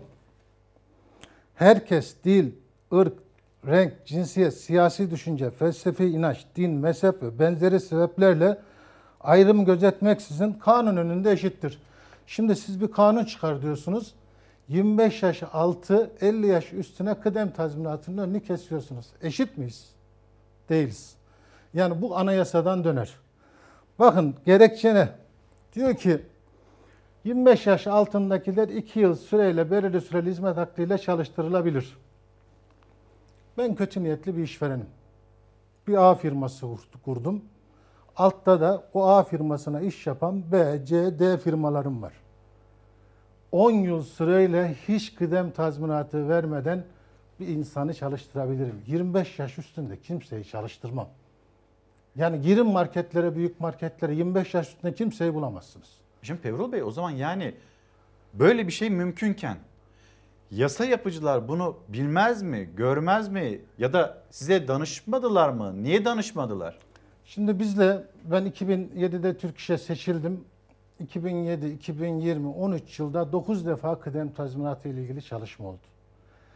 Bir defa Türk İş'e kıdem tazminatıyla ilgili çalışmanın metni gönderilmedi. Biz ya basından e, Öğrendiniz. öğrendik ya basından temin ettik. Ya bizi çağırdıkları toplantıda ne anlattılarsa onlarla yetindik. Ama elimizde bir veri gelmedi. Bu yasada bizle hiç görüşülmedi. Eğer bizle görüşülmüş olsaydı biz bunların yanlışlarını dile getirirdik. Bakın eğer siz bunu yasallaştırırsanız işçi bu süre içerisinde kıdem tazminatı falan alamayacak. Bu bir kesin.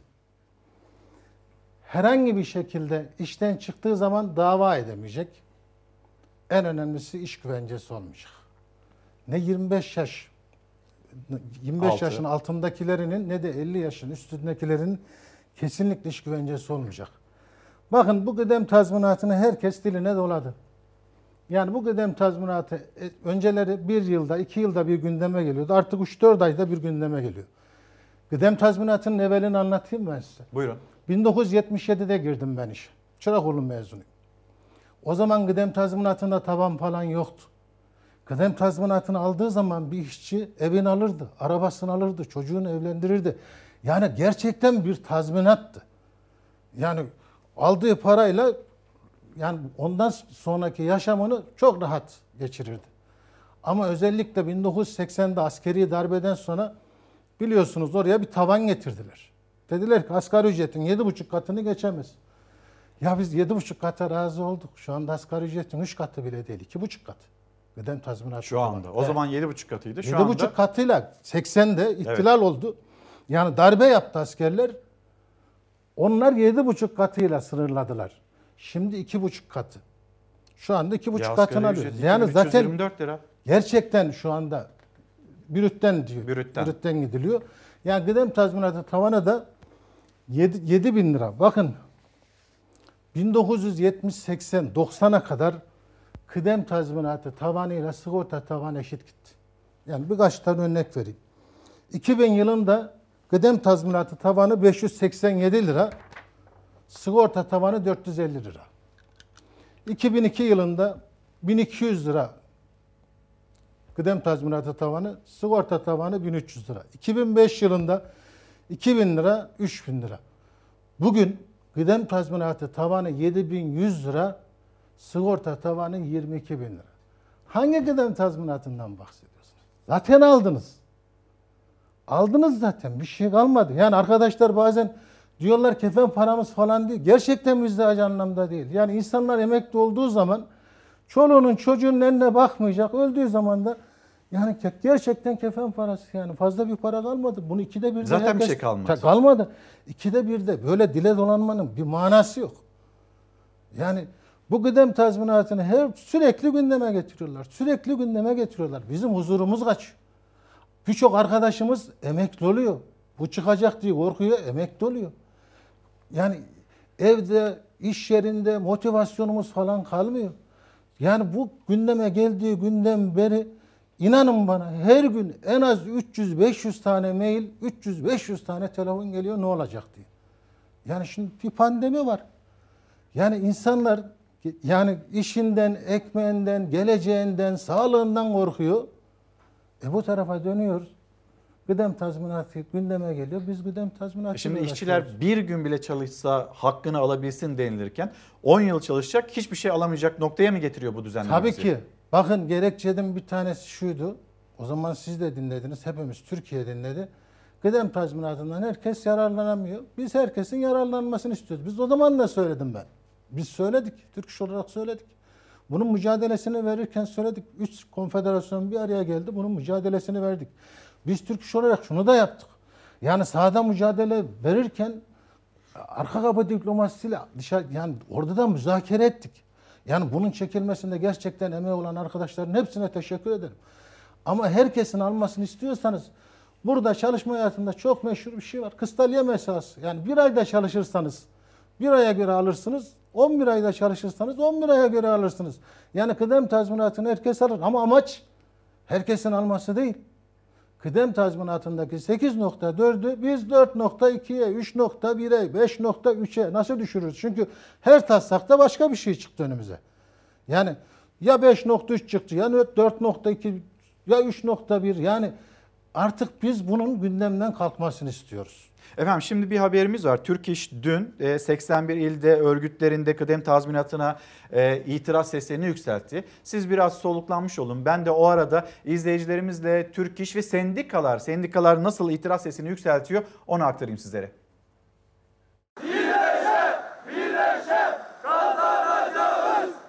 Ücretle çalışan bir insan nasıl hayal kurar biliyor musunuz? Bir işin sermayesi tazminatıdır. O elinde gittiği zaman başka hiçbir umudu yok. Yani hiçbir hayali de yok. Hayal zaten kurma şansın bile yok. 5 çocuk babası 19 yıldır bir kargo şirketinin asgari ücretli çalışanı Seyit Anayaz.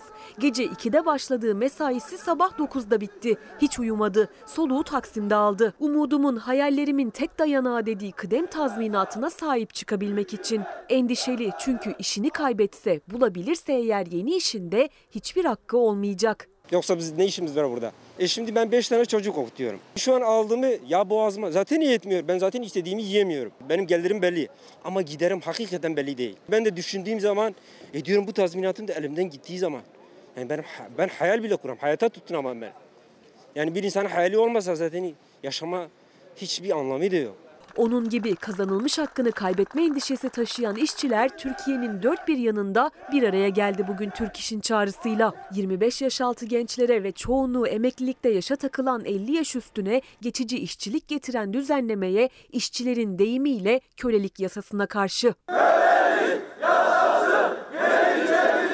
Torba yasa mecliste, o yasanın meclisten geçmesiyle birlikte hak kaybına uğrayacak olan işçilerse sokakta eğer meclisten geçerse kıdem tazminatlarını, iş güvencelerini ve emeklilik haklarını kaybedecekler. İşte çocuklarının da haklarını güvence altına alan o hakların ellerinden alınmaması için seslerini duyurmaya çalışıyorlar. İstediği zaman çalıştıracak 10 günlük 20 günlük sözleşme yaparak bu işçileri e, ha- haklarını gasp edecekler. Zaten bu bizim son kırmızı çizgimizdir. Bu haklarımız olmasa zaten çalışmamın anlamı yok ki. İşçi kıdem tazminatına dokundurmamakta kararlı. Daha önce de hükümetin kıdem tazminatını fona devretme girişimi sendikaların ve işçilerin kararlılığı sonucu geri çekilmişti. Bu defa uyanıklık yapmaya çalışıyorlar.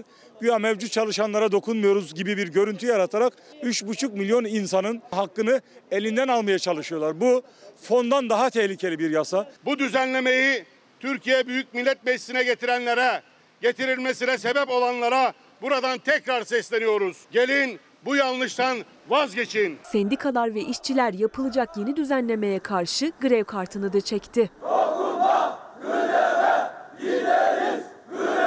Bugün bu haklarımızın alınmasına ger- hiç tahammülümüz yok, tahammül de edemeyiz. Geleceğimizi karartmaya çalışıyorlar.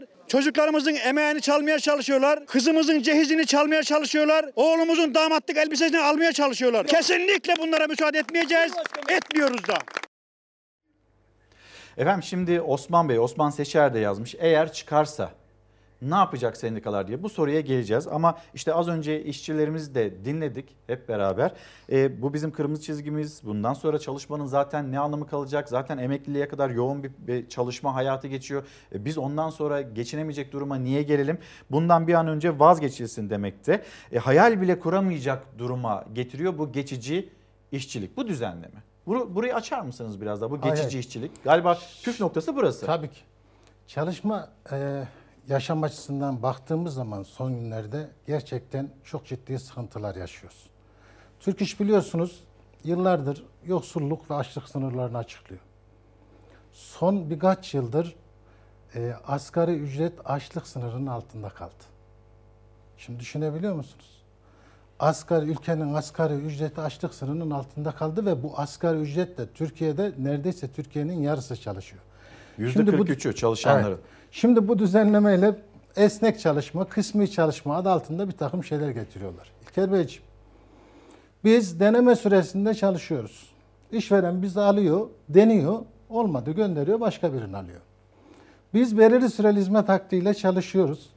Yani buzdolabı, klima işlet, klima fabrikalarında siparişe göre iş çoğalınca süresi bellidir. Onu alıyor, çıkar diyor. Biz mevsimlik çalışıyoruz. Biz geçici çalışıyoruz. Biz özel istihdam bürolarından bizi gönderiyorlar, çalışıyoruz. Biz yani e, taşeron olarak çalışıyoruz. Yani özel istihdam bürolarından geliyor çalışıyoruz. 4B, 4C'ye çalışıyoruz. Yani bunlar yetmiyormuş gibi şimdi diyorlar ki sizin işinizi böleceğiz. Böleceğiz, istihdamı da arttıracağız. Evet, bir kişinin işini böyle iki kişiye verirseniz istihdam, istihdamı arttırırsınız. Ama bir şeyi daha arttırırsınız. Yokluğu arttırırsınız. Şimdi ülkenin yarısı asgari ücretle çalışacak. Bu ülkenin yarısının işini siz böleceksiniz. Yarım asgari ücretle çalıştıracaksınız. Doğru. Yani asgari ücret çalış, ücretle çalışan 5 milyon varsa 10 milyon kişi çalışır. Bu yoklukta buluşma değil mi o zaman? Evet. Yani o zaman yokluğu da arttırırsınız. Yoklukta insanları buluşturursunuz. Bakın ben şunu uluslararası alanda söylüyorum artık. Gerçek bu. Biz Türk işçileri dünyanın en kaliteli üretimini yapıyoruz. En verimli şekilde çalışıyoruz. Avrupa'dan ilerideyiz. Yani istirahat almıyoruz. Hastalanıyoruz. 38 derece ateş işe gidiyoruz. İstirahat yok. Devamsızlık yapmıyoruz. Avrupa'da yüzde üç devamsızlık, bizde binde 2.8. Yani biz böyle bir potansiyeliz. Ya bize iş bulun, iş getirin, biz çalışalım. Şimdi siz işi ikiye bölerseniz, işçi talep ettiği takdirde diyecekler. Ya ben işim yok zaten. Bana patron diyecek ki gel kardeşim talep et. Et diyecek benim etmeme deme şansım var mı? Etmeme şansım var mı? Yok. Talep edecek. Bu sefer bunu teşvik ediyor. Ben az çalışacağım, 15 gün çalışacağım, vergi vermeyeceğim. Ama öbür tarafta adam 300 saat, 400 saat çalışacak. Bırakın %15'i %20 vergi verecek. Şimdi bu adalet mi? Bu hak mı? Şu vergiler meselesine de gelelim mi? Bakın şimdi eh, biliyorsunuz bizde %15, 20, 25'ti şimdi 27 oldu. Bu şekilde bir vergilendirme sistemi var.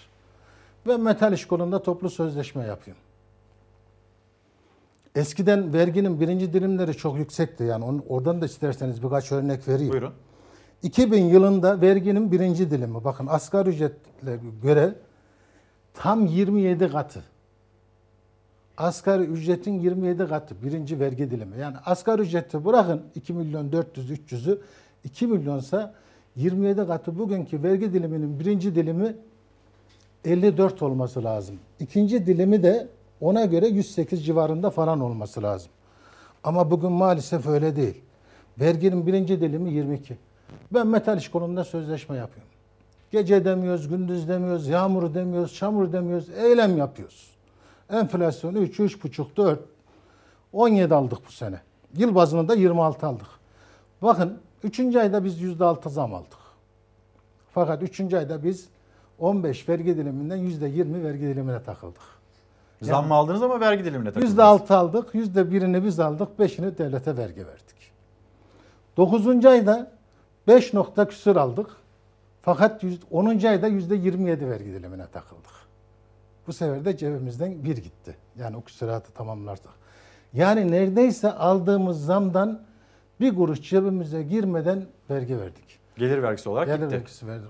Biz böyle vergi verirken işverenlere bu tasarıda ne yapıyorlar? Kurumlar vergisini düşürüyorlar. Düşürdüler zaten 22'den 20'ye düşürdüler. Sayın Cumhurbaşkanı'na şimdi yetki veriyorlar. İsterse Sayın Cumhurbaşkanı da bunu 15'e düşürebilecek. E şimdi bir tarafta bizden vergi üstüne vergi alırken bir taraftan da e, işverenlere kıyak geçiyorsunuz. Bakın size başka bir konu anlatayım. İşveren kar ediyor, yatırım yapıyor, yapsın. Vergiden düşüyor.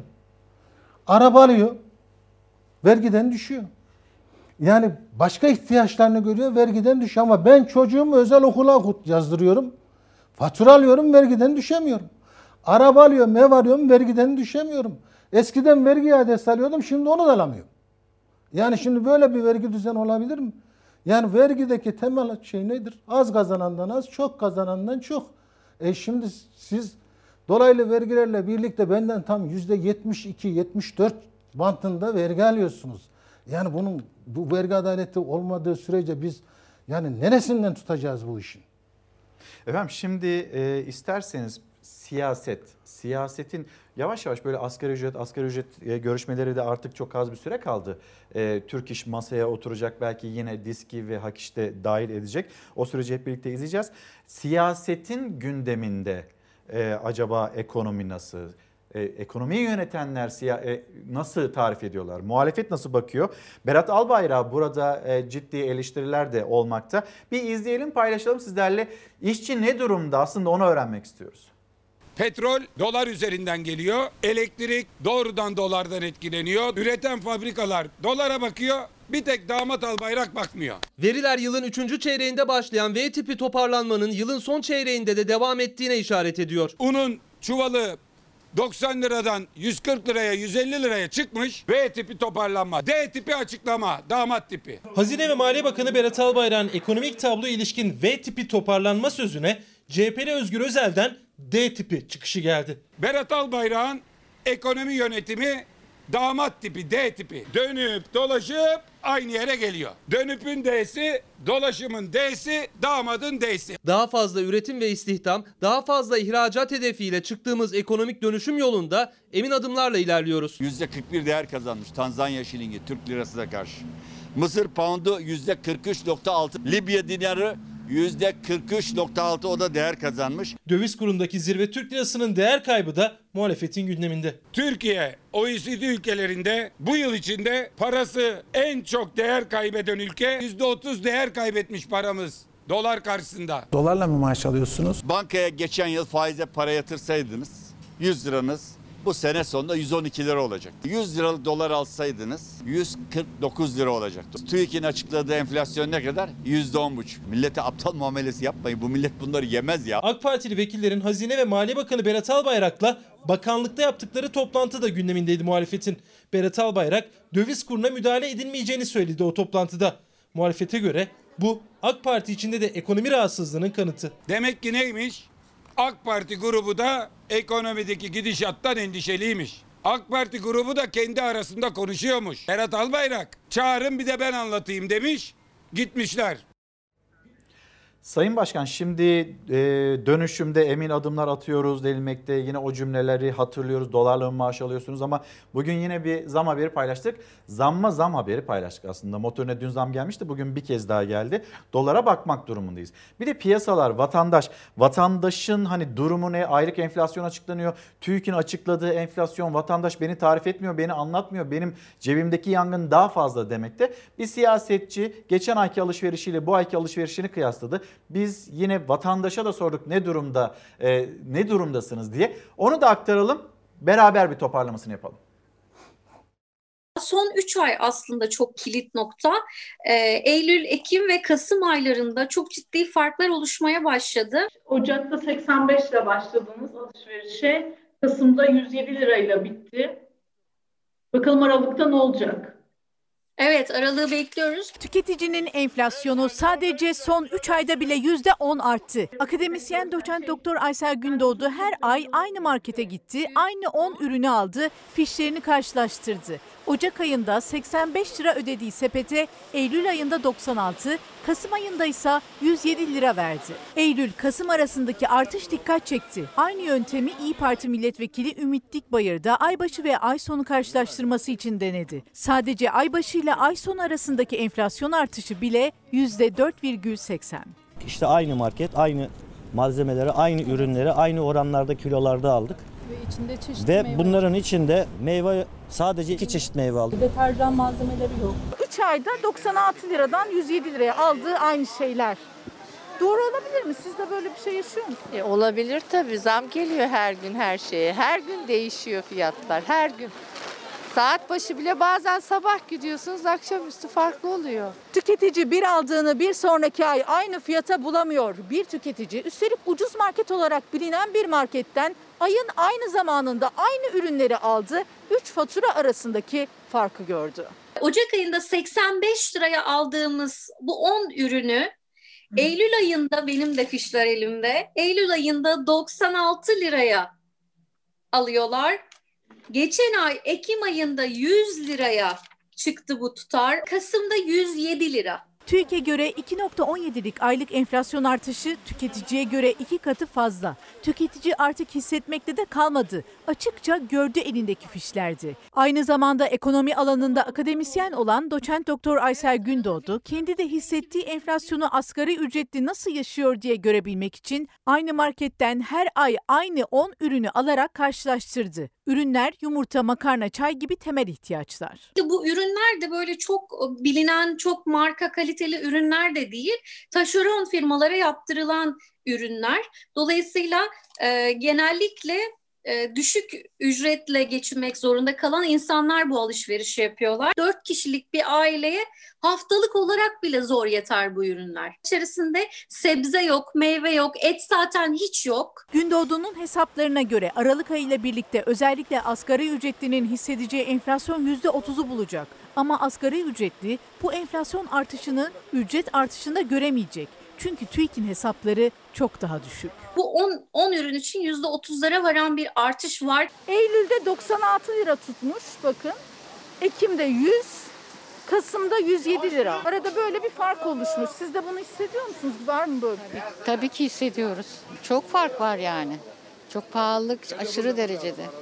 Meyve, sebze her şey. Et zaten almış başına gidiyor. Çarşı pazarın durumu ve bir pahalılık haberi. Efendim şimdi vatandaş kendini böyle anlatıyor. Geçinemiyoruz diyor özetle. E, asgari ücret 2324 lira. Dolarla kıyaslandığında çok daha böyle yani eskiye nazaran çok daha böyle aşağı e, gitmiş durumda. E, Türk lirası ciddi bir değer kaybetti. İşçi ne durumda? Asgari ücret ne olacak? Şimdi yakın dönemde nasıl bir e, toplantı olacak? Önce işçinin ne durumda olduğunu söyleyeyim. Lütfen. Şimdi e, TÜİK'in enflasyon sepetiyle bizim enflasyon sepetimiz maalesef bir değil. Şimdi biz 2500 lira maaş alıyoruz. Kiramızı veriyoruz. Bunun en az 1000 lirasını, 700 lirasını, 800 lirasını kiraya veriyoruz. Onun dışındaki bizim giderlerimizin tamamı gıda ile ilgili. Yani yeme, içme ve eğitim. Lüks bir harcama yok. Lüks bir harcama yok.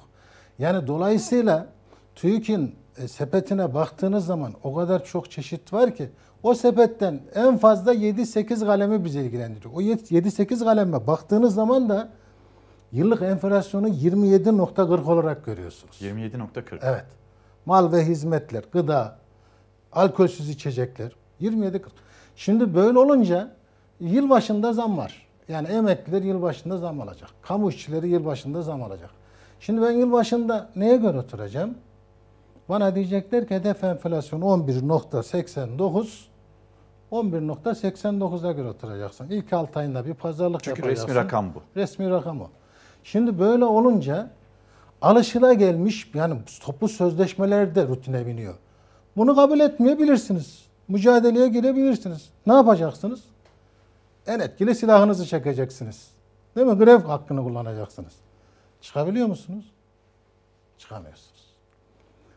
Ülkenin yani e, ulusal güvenliğinden dolayı grevler erteleniyor. O zaman da yüksek hakeme gitmek zorunda kalıyorsunuz. Yüksek hakeme giderseniz ta- tamamen duman oldunuz. Çünkü 4 artı 4 ya da 4 artı 5. İşte böyle olunca e, yani alışılagelmiş, rutine bağlanmış toplu sözleşme düzeni, TÜİK'in enflasyonuna endeksli bir toplu sözleşme düzeni. O Razı zaman- etme sistemi galiba yani bu. tabii ki yani o zaman da tabii yani sizin aldığınızla harcadığınız birbirine karşılamadığı zaman borçlanıyorsunuz. Borçlandıkça da sürekli geriye bir gidiş oluyor. Yani o yüzden de kıdem tazminatını çok önemsiyoruz. Yani insanlar işten çıktığı zaman yani ben işveren ne bir caydırıcı sebep oluyor kıdem tazminatı. Yani ben 10 yıllık 12 yıllık çalışansam emekli olduğum zaman yani beni atarsa bana 100 bin lira yakın para vermesi lazım. Bu bir caydırıcı sebep. Ya da ben ayrılırsam, işten çıkarsam hemen iş bulamadığım için bu benim hiç olmazsa bir, bir nebze Nefes olsun aldırıyor. nefes aldırıyor. Yaşamamı kolaylaştırıyor.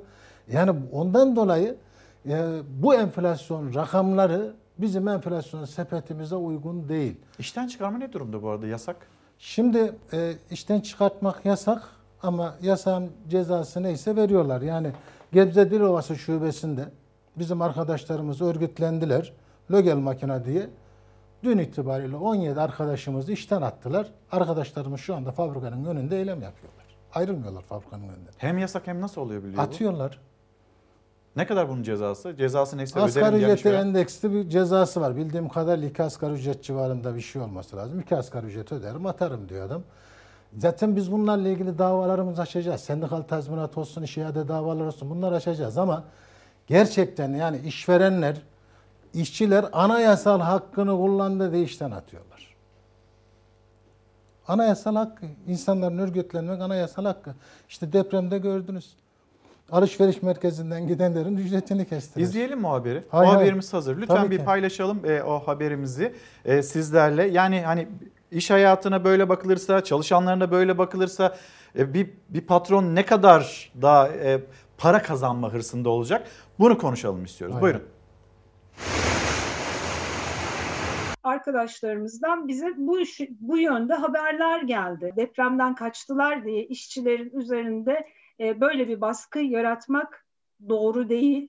E, açıkçası bu işçi düşmanlığının başka bir yüzü. Tek suçları onlarca kişinin hayatını kaybettiği o depremde can havliyle dışarıya kaçmış olmaları. İzmir'de bazı alışveriş merkezi çalışanlarının deprem korkusuyla dışarıda geçirdikleri süreyi maaşlarından düştü işveren. Yeni bir depremde bu çalışanlar canını mı tercih edecek, maaşını mı tercih edecek? Ne yazık ki insan canının bu kadar ucuz olduğunu hep birlikte görüyoruz. Aslında maddi kaygıların insan hayatının önüne geçtiğinin en acı, en net göstergesi bu uygulama. İzmir depreminde AVM çalışanlarının idari izinli olması gerektiğini düşünüyoruz. Bu binalarda hasar tespit çalışmaları yapıldıktan sonra ve binalar güvenli bulunduktan sonra hem çalışanların hem de e, İzmirlilerin AVM'ye kullanımına açılması gerektiğini düşünüyoruz. İddianın sahibi AVM çalışanlarının da üyesi olduğu birlik sendikası.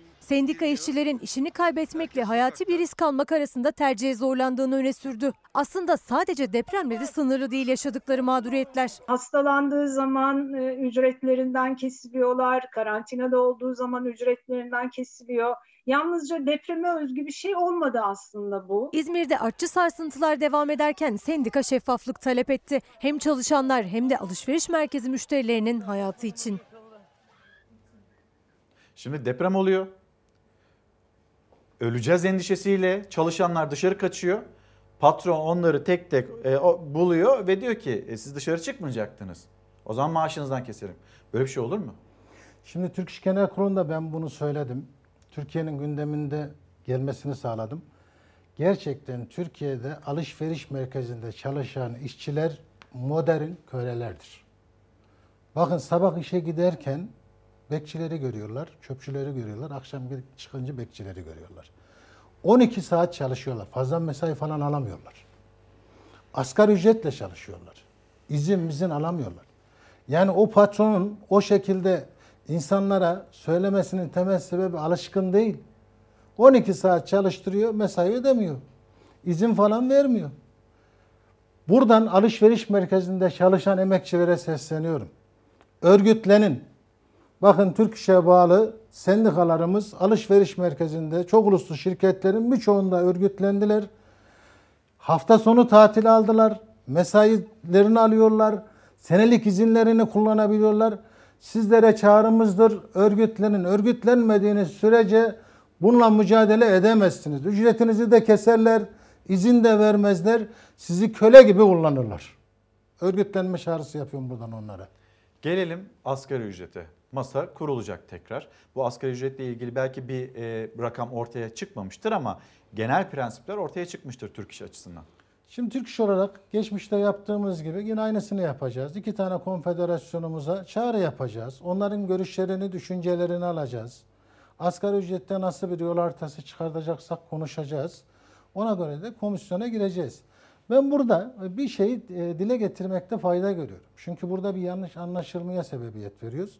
Asgari ücret komisyonunda 15 kişi var. 5'ini işçiler temsil ediyor. 5 işveren, 5 de hükümetten. Yani sanki asgari ücrette Türk iş çoğunluktaymış gibi Türk işten aşırı bir beklenti oluşuyor. Bir de asgari ücretle çalışanlar örgütlü değil. Yani Türk iş üyesi değil. Yani siz işverenlerle, hükümetle, hükümetle anlaşamadığınız zaman o iş çoğunluğuyla onlar istediklerini belirliyorlar. Sizin bir yaptırımınız yok. Yani toplu sözleşmede anlaşamıyorsunuz. Grev kararı alıyorsunuz, greve gidiyorsunuz.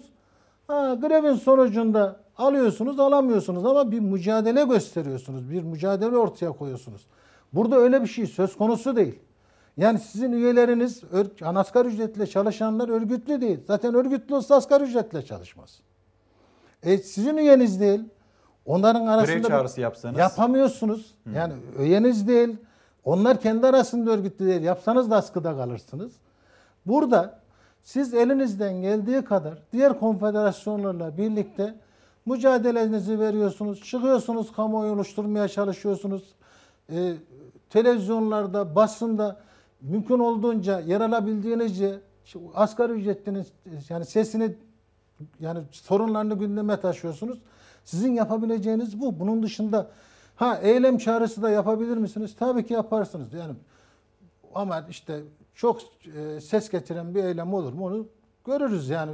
Çok ses getirin bilmiyorum onu yani. Üyeniz olmadığı için. Üyemiz olmadığı için, örgütlü olmadığı için. Şimdi örgütlü olmuş olsa bakın Türk İş dün 81 ilde 2 saatte örgütlendi. 81 ilde basın açıklaması yaptı. Ama asgari ücrette bu olmayabilir. Tabii. İş yerlerinde o basına yansımadı. İş yerlerinin tamamında dört çıkışında eylem vardı. Türkiye'deki tüm iş yerlerinde dört çıkışında eylem vardı. Alkışlarla çıktı arkadaşlar. Yani meclisteki bu tasarıyı görüşenleri alkışlayarak çıktılar. Bu basına pek yansımadı iş yerlerinde olduğu O zaman şöyle sorayım. Bunlar Hem- iki saatte örgütledik biz. Hemen şunu da e, o zaman toparlamasını yapalım. Mecliste bu düzenleme çıkarsa örgütlüsünüz. E, ne yapacaksınız sendikalar olarak? Tek bir sendika değil, bütün sendikalar olarak ne yapacaksınız? Çağrınız nedir? Şimdi eğer bu düzenlem yani bu düzenlemenin çıka, çıkmayacağını ümit ediyorum. Eğer bu düzenleme çıkarsa iki konfederasyonla birlikte e, bir yol haritası çıkartacağız. Yani bu eylemi yani demokratik eylemlerimizi arttırarak devam ettireceğiz. Kıdem tazminatını her zaman söylüyoruz bizim son kalemiz. Yani oğlumuzun damatlığı, kızımızın gelinliği. Yani yaşlandığımızda kenarda, köşede duracak 3-5 kuruşumuz, kefen paramız. Eğer bu parayı da bizim elimizden alırlarsa biz de elimizden ne geliyorsa onu yapacağız. Kelbeçim. Efendim çok teşekkür ederim. Ben teşekkür Ee, ederim. Türk İş Genel Sekreteri Perul Kavlak aynı zamanda Türk Metal Sendikası'nın başkanı e, misafirimizdi. Şimdi gündem çalışma hayatı, çalışma hayatının sorunları, problemleri. Dolayısıyla bunu konuşmamız gerekiyordu. Çağırdık, geldiniz. Lütfen buyurun.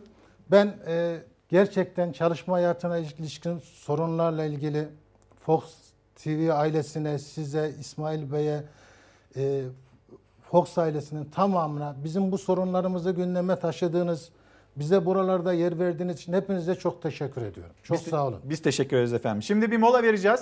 Daha paylaşacağımız çok haber var. Reklamlardan sonra bir kez daha buluşalım.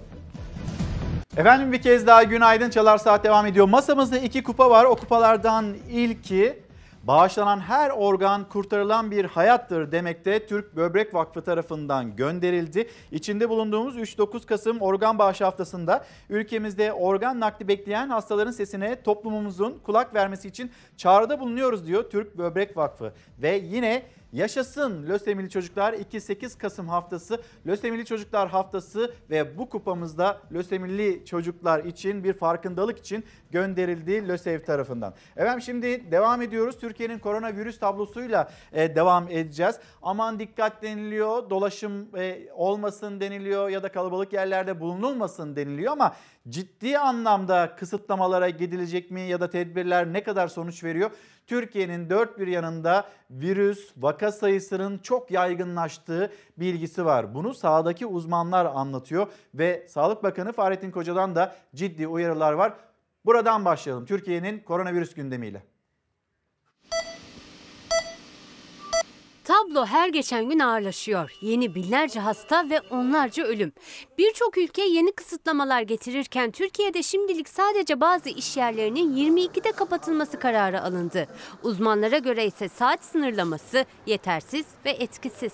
Gece on- ondan sonraki önlemlerin salgının bu düzeyinde yeterli olmayacağı açık. 18 ile 55 yaş arası nüfusu nerelerde bulaşma tetikleniyorsa oralarda sosyal hareketlenmenin kapatılması gerekiyor. İstanbul'da Covid hastanelerine her gün binden fazla Covid şüpheli hasta geliyor. Önemli bir kısmı pozitif çıkıyor. Zorunlu olmayanlar evde kalsın. Kapalı kalabalık ortamlara girmesin. Misafir kabul etmesin. Misafirliğe gitmesin. En fazla 1-2 insanla açık havada mesafeli görüşsün. Yani bu sadece İstanbul'da bile günlük 5000 civarında vaka demek. Bilim kurulu üyeleri, enfeksiyon hastalıkları uzmanları virüsün ne boyutta olduğunu, bulaştırıcılık riskini açıkça ortaya koyuyor.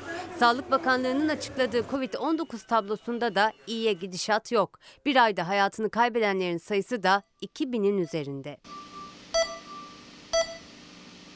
Salgının merkezi İstanbul'da yeni önlemler var. Sanayi çalışanları sabah 7'de mesaiye başlayacak.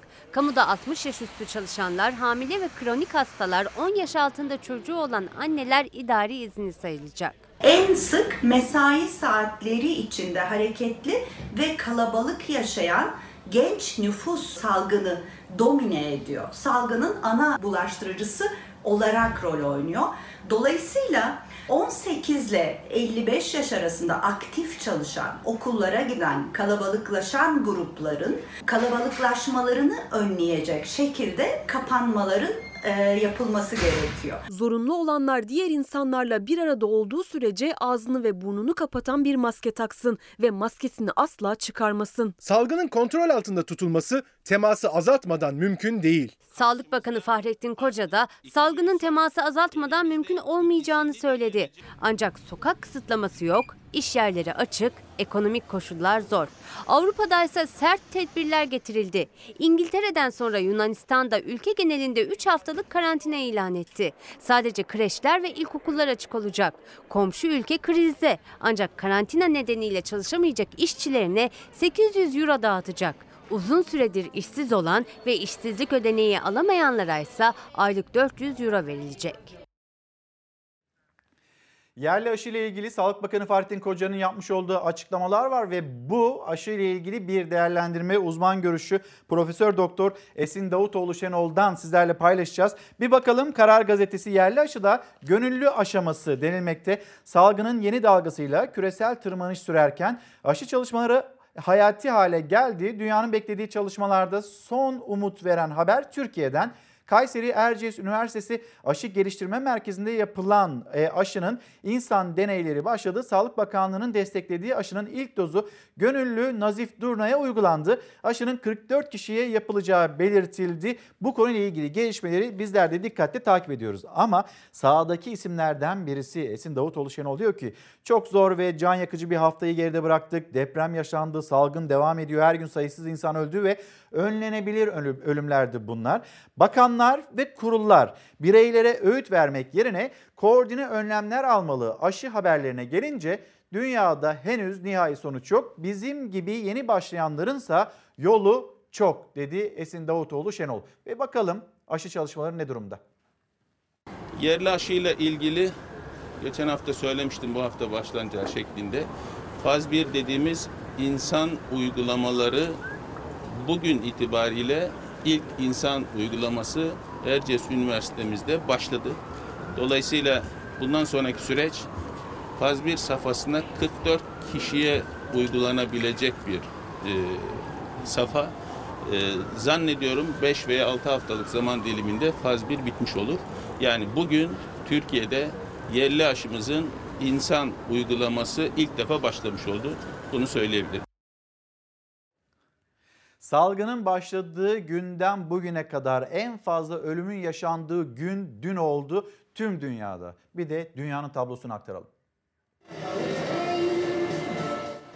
Koronavirüs dünyayı tehdit etmeye devam ediyor. Dünya genelinde vaka sayısı 48 milyon 600 bini geçti. Can kaybı ise 1 milyon 232 bin 209. Özellikle Avrupa her geçen gün kötüye gidiyor. Ülkeler teker teker güvenlik önlemlerini arttırıyor. Avrupa'da işlerin en kötü gittiği ülke Fransa. Son 24 saatte 58.046 yeni vaka tespit edilmesiyle günlük vaka sayılarında rekor kırıldı. 367 kişi hayatını kaybetti. Toplam can kaybı 39.037'ye yükseldi. Fransa Sağlık Bakanı salgında ikinci dalganın birinci dalgadan daha şiddetli ve daha uzun süreli olduğunu söyledi.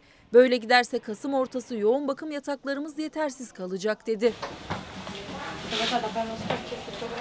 İtalya'da da son 24 saatte 34.505 yeni vaka tespit edilmesiyle günlük vaka sayısında yeni rekora ulaşıldı. 445 kişi hayatını kaybetti. Hayatını kaybedenlerin sayısı 40.192'ye ulaştı. Tüm ülkede saat 22 ile 5 arasında sokağa çıkmak yasaklanırken kırmızı bölgelerde sokağa çıkma yasağı 24 saat boyunca uygulanacak. Yunanistan'da 3 haftalık karantina açıkladı. Karantina kapsamında mağaza ve alışveriş merkezlerinin kapatılacağı, yalnızca gıda amaçlı marketlerin ve eczanelerin açık kalacağı öğrenildi. Vatandaşların dışarı çıkmasına zaman sınırlaması getirileceği, ilkokul seviyesi dışındaki okullarında eğitime ara vereceği belirtildi. Ülkede toplam 46.892 vaka var. Başbakan Miçotakis ülke genelinde karantina kararı aldıklarını duyururken bu sert önlemleri geç olmadan uygulamayı seçtim ifadelerini kullandı. İngiltere'de ise virüs kadar karantina protestosu da gündemde. Londra'daki karantina karşıtı eyleme polis müdahale etti. 104 kişi gözaltına alındı. Göstericileri sokağa çıkaran genelgeyle temel ürünlerin satıldığı marketler ve eczaneler hariç tüm mağazalar kapanacak. Bar ve restoranlar sadece paket servisi yapacak. Farklı hane halkı üyeleri kapalı mekanda bir araya gelemeyecek. Açık alandaysa başka bir haneden en fazla bir kişiyle görüşülebilecek. Eğitim ve iş harici yurt içi ve yurt dışı seyahat yapılamayacak. Okullar ve üniversiteler açık kalmaya devam edecek. Slovenya'da da protestocularla polis arasında arbede yaşandı. Ülkede vaka sayısı 41.094'e yükselirken can kaybı 471 olarak açıklandı. Toplam 466.679 vaka görülen Polonya'da da kısıtlamalar arttırıldı. Danimarka'dansa korkutan bir haber geldi. Vizon çiftliklerinde mutasyona uğrayan koronavirüsten türeyen yeni bir virüs tespit edildi. Başbakan Frederiksen antikor tedavisinin cluster 5 olarak adlandırılan virüsü etki etmediğini söyledi. Bu yüzden Covid-19 aşı çalışmalarının tehlike altında olduğunu ve bulunacak aşıların mutasyona uğrayan virüse karşı etkili olmayacağını vurguladı. Virüsün yayılmasını önlemek için 7 belediyeye giriş çıkışların yasaklandığını açıkladı. Dünya şimdi bu yeni tür virüsü izliyor.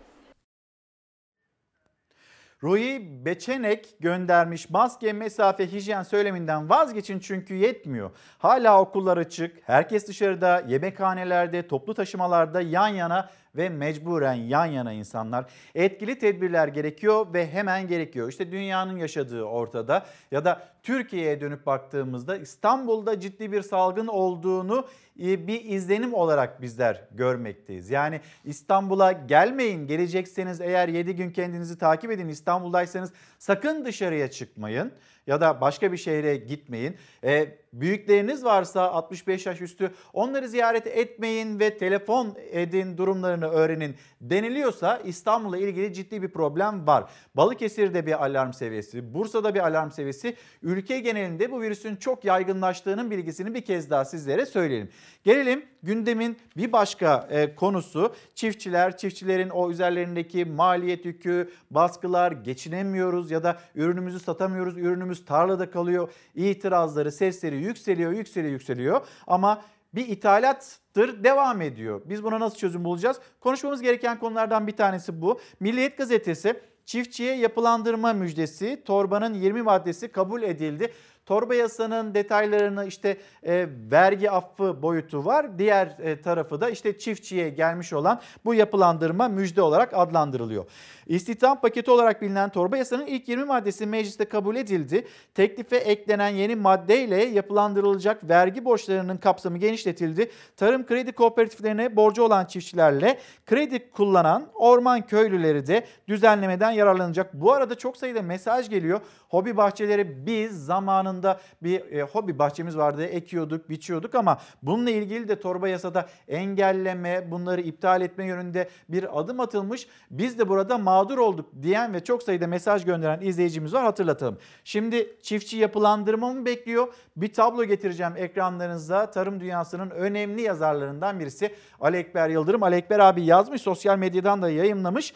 Yem fiyatları çıldırdı. Bir bakalım şimdi o yem fiyatlarına. Yani yapılandırma yapalım tamam güzel. Hani borç ödensin, borç dönsün, tekrar çiftçi biraz nefes alsın. Ama bakın tabloyu gördüğümüzde utanç tablosunu güncelliyoruz diyor Ali Ekber Yıldırım. Son bir yılda yem ham maddelerine çoğu ithal Fiyat artışı ortalama %77. Süt yemine %63, besi yeminde %60, dolardaki artış %46. Çiğ süt fiyatındaki artışa dönüp baktığınızda yüzde sıfır, sıfır hiç yapılmamış demekti Ali Ekber Yıldırım. İşte Türkiye yem sanayicilerinden alınan e, bu bilgiyi paylaşıyor. Yem fiyatlarında fiyatların ne kadar yükseldiğini anlatıyor. Yani çiftçinin üzerindeki maliyet baskısını anlatıyor. Gelelim Mecliste e, plan bütçe görüşmeleri devam ediyordu. Tarım Bakanlığı'nın bütçesi ele alındı ve burada da zaten gündem hem e, Tarım Bakanı tarafından hem de muhalefet cephesi tarafından ithalattı. Et ithalatı gelmemizle beraber bitmiştir. Türkiye'de bir et ithalatı gibi bir problem yoktur. Türkiye'nin böyle bir gündemi de yoktur.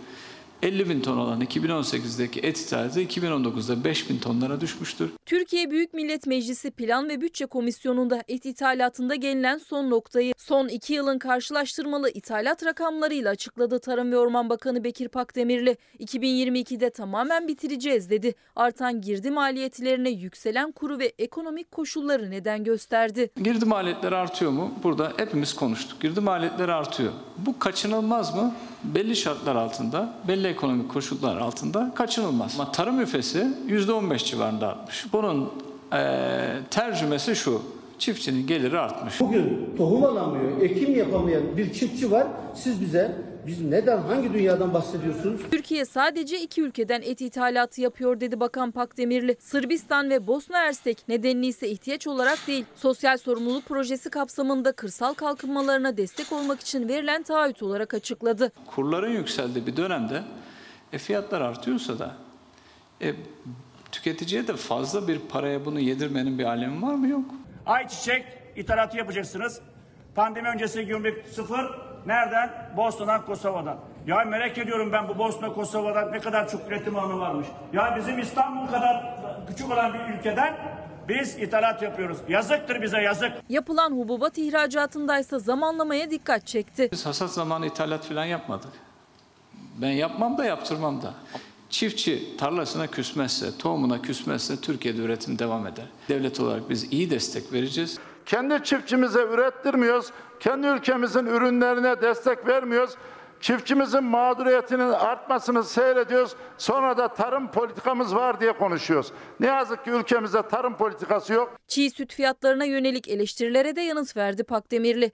Maliyetlerin arttığını 2 lira 30 kuruşluk çiğ süt tavsiye alım fiyatının üreticiye para kazandırmadığını söyledi. Sağlanan 40 kuruşluk destekle bunu telafi ettiklerini de. AK Parti hükümetleri öncesinde destek yoktu. Üretici hak ettiği fiyatı alacak. Ve bunun sözünü verdik. Allah'a şükür bugüne kadar da sözümüzü çok istisnalar olmuş olabilir ama sözümüzü de yemedik. Vazgeçin dediğimiz çiftçinin vazgeçilmesini istediği konulardan bir tanesi bu işte ithalat sürekli ithal ettiğinizde ben kendi ürünümü satamıyorum ya da her şeye bu kadar zam gelirken benim e, girdilerime maliyetlerime zam gelirken ben eksiye düşüyorum diyen çiftçilerimiz ve onu e, sesini de bir şekilde duydurmuş olalım. Ayşe Hanım Ayşe Çalışkan biz yönetenler refah içinde yaşadıkları için vatandaşı da öyle zannediyorlar demekte. Kadir Kalaycı Asgari ücret alıyorum. Asgari ücreti de tam alamıyorum. 2324 lira görmüyoruz ki zaten vergi kesiliyor. Biz ticaret yapmıyoruz. Alın terimizle çalışıyoruz. Hakkımızı almak istiyoruz. Vergi senede bir kez kesilir ama bu hani bu durumda da ben hakkımı helal etmiyorum diyen bir izleyicimiz. Vergi senede bir kez kesilir ama hani çağrısı o şekilde öyle olsun demekte. Öyle olsa bile dolaylı vergiler var. Yani vatandaşın üzerinde de bir vergi baskısı var. Akşam gazetesi, Akşam gazetesinin manşeti tabutta yaşam. İstanbul, Kartal, Bakırköy ve Beylikdüzü'nde yıkılmak üzere olan biri mühürlü 3 binada insanlar ölümle burun buruna yaşıyor. Yasal olarak tahliye ve yıkımla görevli CHP'li ilçe belediyeleriyle Büyükşehir Belediyesi kör ve sağır denilmiş. Yani bu binalarda oturan insanlar var. Oraya dikkat çekiyor ve bu binaların da boşaltılması isteniyor. Yasal olarak verilen süre 60 gün. 60 gün içinde boşaltılmazsa bir 30 günlük daha süre var. İşte şimdi belediyelere bir çağrı yapıyor Akşam Gazetesi.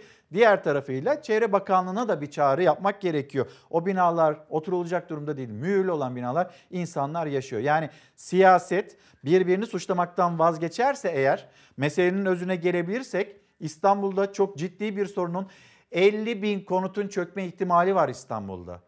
Bu sorunla ilgili neler yapılacak? Artık biz bu meselenin özüne gelmek durumundayız. Efendim şimdi sıradaki haberimiz yine depreme dair olsun. İmar affı, imar affını bir konuşalım. Şimdi bir kamu spotu vardı. Herkesle barışıldı. Oh ne güzel. Böyle bir kamu spotuydu. Tamam ama herkesle barışırken çürük binalarla da barışıldı ve buradaki tartışma devam ediyor. Milletimizin de oturduğu binanın depreme dayanıklılığını tespit ettirmesi, şayet bu konuda herhangi bir sıkıntı varsa, gerekiyorsa kendisi de üstüne biraz koyarak hızla sağlam bina inşası için harekete geçmesi gerekiyor. İnsaf, insaf. Vatandaş çoluğuna çocuğuna bakamıyor açlıktan. Evlere sen baktıracaksın. Murat Kurum baktıracak. Cumhurbaşkanı Erdoğan'ın depreme karşı vatandaşla evini yenilesin çıkışı muhalefet cephesinde tepkiyle karşılandı. Aç olan adam evini kendisi yapsın, daha sağlam ev yapsın demek bu vatandaşın derdinle ilgili olmamak demek. Keşke birkaç metrekare fazla pay alma uğruna riskli binalarda oturmak tercih edilmeseydi. Burada vatandaşlarımızın üstüne de önemli bir sorumluluk düşüyor. MHP lideri Devlet Bahçeli gibi Çevre Bakanı Murat Kurum da depreme dayanıklı binalar için vatandaşın sorumluluğu var dedi. Zaten 2018 yılında çıkan imar affıyla devlet aftan yararlanan yapıların deprem sorumluluğunu da vatandaşa yükledi. Devletten size müjde. İmar barışı geldi. İmar affını çıkardınız. Peki imar affı başvurusu yapan 10 milyon binayı incelediniz mi? CHP Mersin Milletvekili Ali Mahir Başarır 21 ay önce Çevre Bakanı Murat Kurum'a verdiği ve hala yanıt alamadığı soru önergesini hatırlattı. O önergede imar barışından yararlanacak yapılar denetimden geçti mi? Depremde yıkılmaları halinde sorumluluk kim diye sormuştu CHP'li vekil. Bakan yanıt vermedi ama imar affı düzenlemesinin 16. maddesine göre yanıt belli. Yapının depreme dayanıklılığı hususu malikin sorumluluğundadır. Apartmanların birçoğu bodrum katlar yıkılarak dükkanlar açılmış, kolonlar kırılmış. Rıza Beylere, Doğan Beylere böyle ama imar affından yararlanmış. Tabii bu sadece kamunun imkanlarıyla olacak bir iş değildir. Cumhurbaşkanı Erdoğan da genişletilmiş il başkanları toplantısında depreme dayanıklı binalar yapmak sadece devletin işi değil dedi. Vatandaşın da riskli binasını sağlam binaya çevirmesi gerektiğini söyledi. Milletimizin de oturduğu binanın depreme dayanıklılığını tespit ettirmesi gerekiyorsa kendisi de üstüne biraz koyarak hızla sağlam bina inşası için harekete geçmesi gerekiyor. Evim baktırdım oturmaman lazım güvensiz. Üstüne biraz koymak için ne yapmam lazım? Evi satacağım. Evi kim alacak arkadaşlar? Evi alan adam depremde o evin altında kalmayacak mı zaten? Devlet vatandaşın sorununu çözmek için var. Erdoğan'ın vatandaş harekete geçsin sözüne muhalefet tepkili. İyi Parti'de CHP'de sorumluluk vatandaşa yüklenemez dedi. Kapı gibi anayasa var. Yaşam hakkı var. Konut edinme hakkı var. Devlet olarak evlerinizi değerinde biz alacağız deyin. Onun üstüne uzun vadeli düşük faizli kredi koyacağız deyin. Tarım Bakanı et ithalatı gelmemizle birlikte bitmiştir. Türkiye'de et ithalatı gibi bir problem yoktur. 50 bin ton olan 2018'lik et ithalatı 2019'da 5 bin tonlara düşmüştür. Hani bu cümleleri söyledi. Artık biz ithal etmiyoruz. Et konusunda bayağı bir e, aşama kaydettik derken. Bir izleyicimiz de ülkede et sorunu yoksa İskenderun limanına yanaşan Angus dolu gemiler memlekete gezmeye mi geliyorlar? Tatile mi geliyorlar? Ülkemizi mi merak etmişler diye sormakta. E, bizim ithalat değil de ihracatla ilgili sorunumuz var galiba demekte. E, yani her fırsatta, her durumda kafamızı kızdırmasınlar ya da paramız var ki ithal edebiliyoruz gibi cümleler duyulunca karşımıza bir ihracatla ilgili problem de çıkıyor maalesef. Şimdi e, Somalı madenciler hak arayışları vardı. Deprem oldu, depreme koştular. Sonra yeniden hak arayışlarına geri döndüler. Sesleri duyuldu ve bugün Ankara'dalar.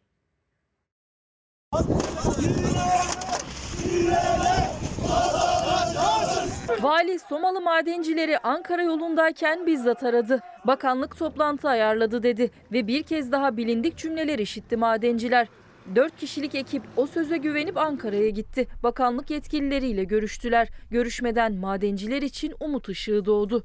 Umuyoruz ve diliyoruz ki bu sefer yeni bir oyalama taktiğine, e, bir geçiştirme e, hamlesine daha kurban edilmesin. Üç tane başbakan eskittik bu yolda. Üç tane enerji bakanı, üç tane de çalışma bakanı ve halen daha bu uyar işçisine patron küçük vermiyor parayı. Bizi kolay bulsunlar eşlerimiz veyahut da akrabalarımız bilsinler dedi. Hatta kollarımıza isimlerimizi daim yazdık yani. E tabi belli bir zaman sonra da oksijen bitti. Mesela geceleri uyuyamıyorsun. Arkadaşlarımız mesela yardımcı yollar. Kurtarın bizi falan. Soma faciasından yaralı kurtulan madenci de tazminatını bekliyor yıllardır. Alın terlerinin karşılığını isteyen Somalı madenciler çarşamba günü Kırkağaç Çamlığı'ndan Ankara'ya doğru yürüyüşe geçti. 1-2 kilometre yürüyüp araçlara bineceklerdi ama jandarma yolu kesti. Kameralar yaşanan gerginliği böyle görüntüledi. Ağaçlarımızı bırakın! Bizi buraya bizi kalkan yap!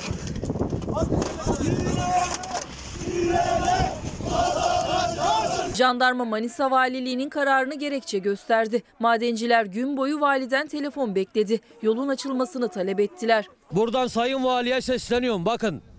Kış geldi, hava soğudu. Bu insanlar da üşüyor. Vali Bey'in cebinde parası var. Bu insanların cebinde kış hazırlığı parası yok. Biz değilseniz biz alnımızın terini, kopmuş bacaklarımızın, çıkmış gözlerimizin hakkını istiyoruz. Yaşananların ardından akşamüstü araçlarla Ankara'ya doğru yola çıktı madenciler. Kırkağaç'tan Göl Marmara'ya vardıklarında vali aradı. Gelin görüşelim dedi. Patronların vekili vardı biliyorduk ama patronların valisi olduğunu da bilmiyorduk. Bugün onu da öğrendik. Patronların e, valisi de varmış. Oyalayıcı, bizim ikna olmayacağımız bir e, sonuç çıkarsa da buradan e, yolumuza Uşak Uşak'a doğru çevirip Uşak itibariyle yürüyüşümüze başlayacağız. 4 kişilik ekip Ankara'da Enerji Bakanlığı ve İçişleri Bakanlığı yetkilileriyle bir araya geldi. Toplantı olumlu geçti. Madencilere hakları olan tazminatlarının nasıl ödeneceği bugün mecliste görüşülecek. 10 yıllık tazminatım var. Son 3 maaşım var. Yani davaları kazandık ama tahsilat yapamadık. Somalı madenciler Göl Marmara ilçesinde bekleyişlerini sürdürüyor. 600 tane milletvekili mecliste 600 tane milletvekili bizim sorunlarımızı çözmüyorsa lütfen o koltukları terk etsinler. İshak Bey yazmış kentsel dönüşümde yaşanılan sorunlardan bir tanesini. Kentsel dönüşüm deniliyor, insanlar müteahhitin önüne atılıyor, devlet takip etmiyor. Şimdi bizim bir evimiz var teslim alamıyoruz. Müteahhit sözleşmede yazanları vermek istemiyor. Ne yapacağız? Devlet bizim sesimizi duysun demekte. Hemen bir bakalım Amerika Birleşik Devletleri 46. Başkan kim oldu, kim olacak, kim çamura yatıyor? Gazete Pencere Trump çamura yatıyor başlığını attı. Trump umudunu kaybettikçe daha agresif mesajlar vermeye başladı. Açık açık seçimde hile yapıldığını söyledi. Kaybettiği bölgelerde oy sayımının durdurulmasını, kazandığı yerlerde de sayıma devam edilmesini istedi. Bir gidelim bu e, seçimde durum nedir? Başkanlık seçimlerinde İbre Biden'a döndü. Trump ise seçimlerde yolsuzluk olduğunu iddia etti. If you count the legal votes, I easily win. Demokrat Joe Biden seçimlerde ipi göğüslemeye adım adım yaklaşırken mevcut başkan Donald Trump kameraların karşısına geçti. Yorgun ve düşünceli görünüyordu. Trump açıklık ve şeffaflık istiyorum. Kapalı kapılar arkasında sayım istemiyorum. Bütün meşru oylar sayılmalı dedi. Yandaşları sayım merkezlerini bastı. Sokaklardaysa tansiyon yükseldi.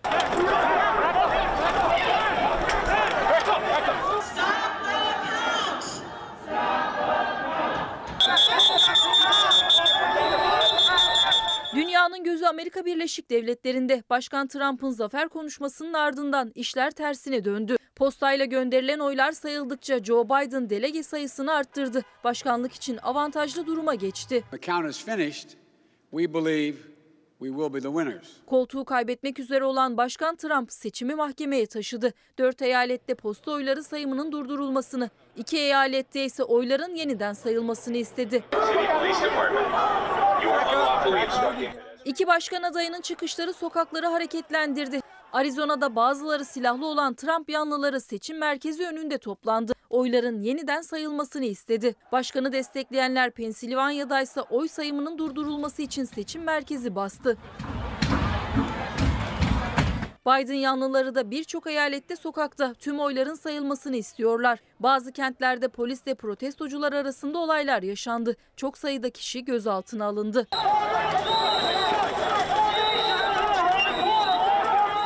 Bu arada Trump'ın oy için bazı yerlerde evlere erzak yardımı gönderdiği ortaya çıktı. Evlerine yardım ulaşan demokratlar durumu sosyal medyadan paylaştı.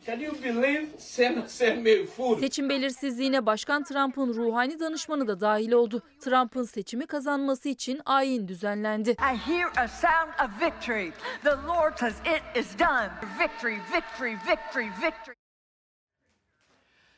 SMA hastası çocuklarımız ve aileleri onlar da Ankara'daydı seslerini duyurmak için ve biz de elbette yanlarındaydık. Biz 90 gün önce e, oğlumuzu kaybettik Yusuf Ayaz'ı. E, oğlum bu ilacı alamadığı için hayatını kaybetti. Ben 90 günü oğlum kokusuna sesini hasretim. Sağlık Bakanlığı'nın ilacımızı getirsin artık. Aşk evlatlığımız ölmesin. Evladını 3 ay önce kaybetmiş bir anne baba evlat acısını bir yana bırakıp Ankara'ya Sağlık Bakanlığı'nın önüne geldiler. SMA'lı çocukları olan başka ailelerde aynı acıyı yaşamasın diye. Çaresiziz. Devletimizden destek bekliyoruz. Biz çocuklarımız yaşasın istiyoruz. Poyraz Aliler büyüsün, kumsallar büyüsün, Aziz Cemaller yaşasın istiyoruz. Ben ta İstanbul'dan tek başıma buraya geldim. Niye vermiyorlar ilaçlarımızı? Neden? Neden? Bütün çocuklarımız ölmesin ne olur. Bir torununu SMA tedavisi görürken kaybeden, diğer torununu yaşatmak için zamanla yarışan Fahriye Demirtaş gibi onlarca aile Sağlık Bakanı'na sesini duyurmak istedi. SMA'lı çocuklar bir nefes daha alabilsinler diye zaman daralıyor ve hala SMA'lı çocukların ihtiyacı olan ilaca ulaşamıyor aileler. Nehir'in annesiyim. Kızımı 4 ay önce kaybettim. İnşallah bu çocuklar kazanır biz kaybettik. Nehir öldü. İnşallah onlar yaşar. Ailelerden bir öğrendik ki üretici firmayla SGK arasındaki anlaşmazlıktan fiyat vesaire tedarik. İki ay ilaca ulaşamadığından bizim 15 yavrumuzu kaybetmişiz. SMA hastası çocukların aileleri hayati öneme sahip ilaçlara ulaşabilmek için sosyal medyadan kendileri kampanyalar başlatıyorlar ama bu yeterli değil. Kalıcı bir çözüm için Sağlık Bakanlığı'nın önündeler. Bütün dünyada bu ilaçlar devletler tarafından şartsız şekilde karşılanıyorken ben neden bu ilacı alamıyorum? Kumsal 5 aydır hastanede yoğun bakımda yatıyor. Sağlık Bakanı Sayın Fahrettin Koca, Sağlık Bakanlığımıza ben yalvarıyorum. Bizim e, yavrularımızın sesini duysunlar. SMA'lı çocukların aileleri Sağlık Bakanlığı önünde çare ararken aynı çaresizliği yaşayan bir baba da gözyaşlarıyla anlattı yaşadıklarını. Eylül'ün durumu biraz kötü. Hiçbir hastane kabul etmiyor. Hiçbir özel hastane kabul etmiyor Eylül'ü. Yoğun bakım yerlerimiz dolu diyorlar. Elimizden hiçbir şey gelmiyor. Çocuk orada çırpınıyor tek başına.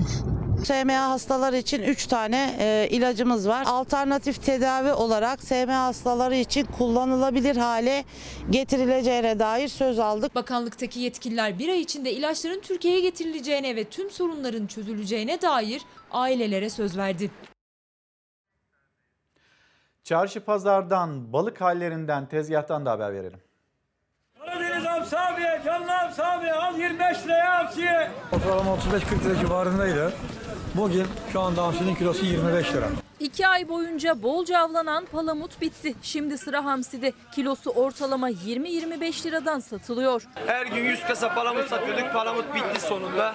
Sıra hamsiye geldi. Karadeniz'in gülü hamsi 20 lira. Şu anda hamsi 25 lira düştü. Daha düşmesini bekliyoruz hemen. Havanın soğumasını da bekliyoruz. Fiyatıyla tüketicinin, bolluğuyla da balıkçının yüzünü güldüren palamut Karadeniz'i terk etti. Samsun'da palamudun tezgahlardaki yerini hamsi aldı. Kilosu 20 liradan satılıyor. Mezgit 20, istavrit 15, barbun 10, somon, alabalık, çipura ve levrek 30 liradan tezgahlardaki yerini alıyor. Abi palamut bitti hamsi başladı. Millet palamudu yedi doydu. Şimdi sıra hamside. Hamsi normalde çıkmıyordu. Bugün hamsi patlama yaptı. Sezon başında kilosu 40 liradan satılan hamsinin fiyatı Edirne'de 25 liraya kadar düştü. Fiyatı düşen hamsi bolluğuyla hem balıkçıları hem de tüketiciyi sevindirdi. Halkçıydı, Karaoğlan'dı, Türk siyasetinde nezaket denildiğinde akla gelen isimlerden birisiydi. Sanatçıydı ve sanatçıya değer veren bir isimdi merhum. Eski başbakanlardan Bülent Ecevit Karaoğlan dün ölümünün 14. yıl dönümüydü. Anmadan bitirmeyelim. Artık gidiyorum. Beni uğurlayın kardeşlerim. Hepinize eğilerek ayrılıyorum. Yalnız sizin son ve nazik sözlerinizi bekliyorum. Uzun zaman komşuluk ettik ama verebildiğimden çok aldım. Şimdi gün ağardı, karanlık köşemi aydınlatan lamba söndü. Bir davet geldi ve ben yol için hazırım. Bu ayrılış gününde bana bol şans dileyin arkadaşlarım. Beraberimde ne götüreceğimi sormayın. Seyahatime boş eller ve ümit eden bir kalple çıkıyorum.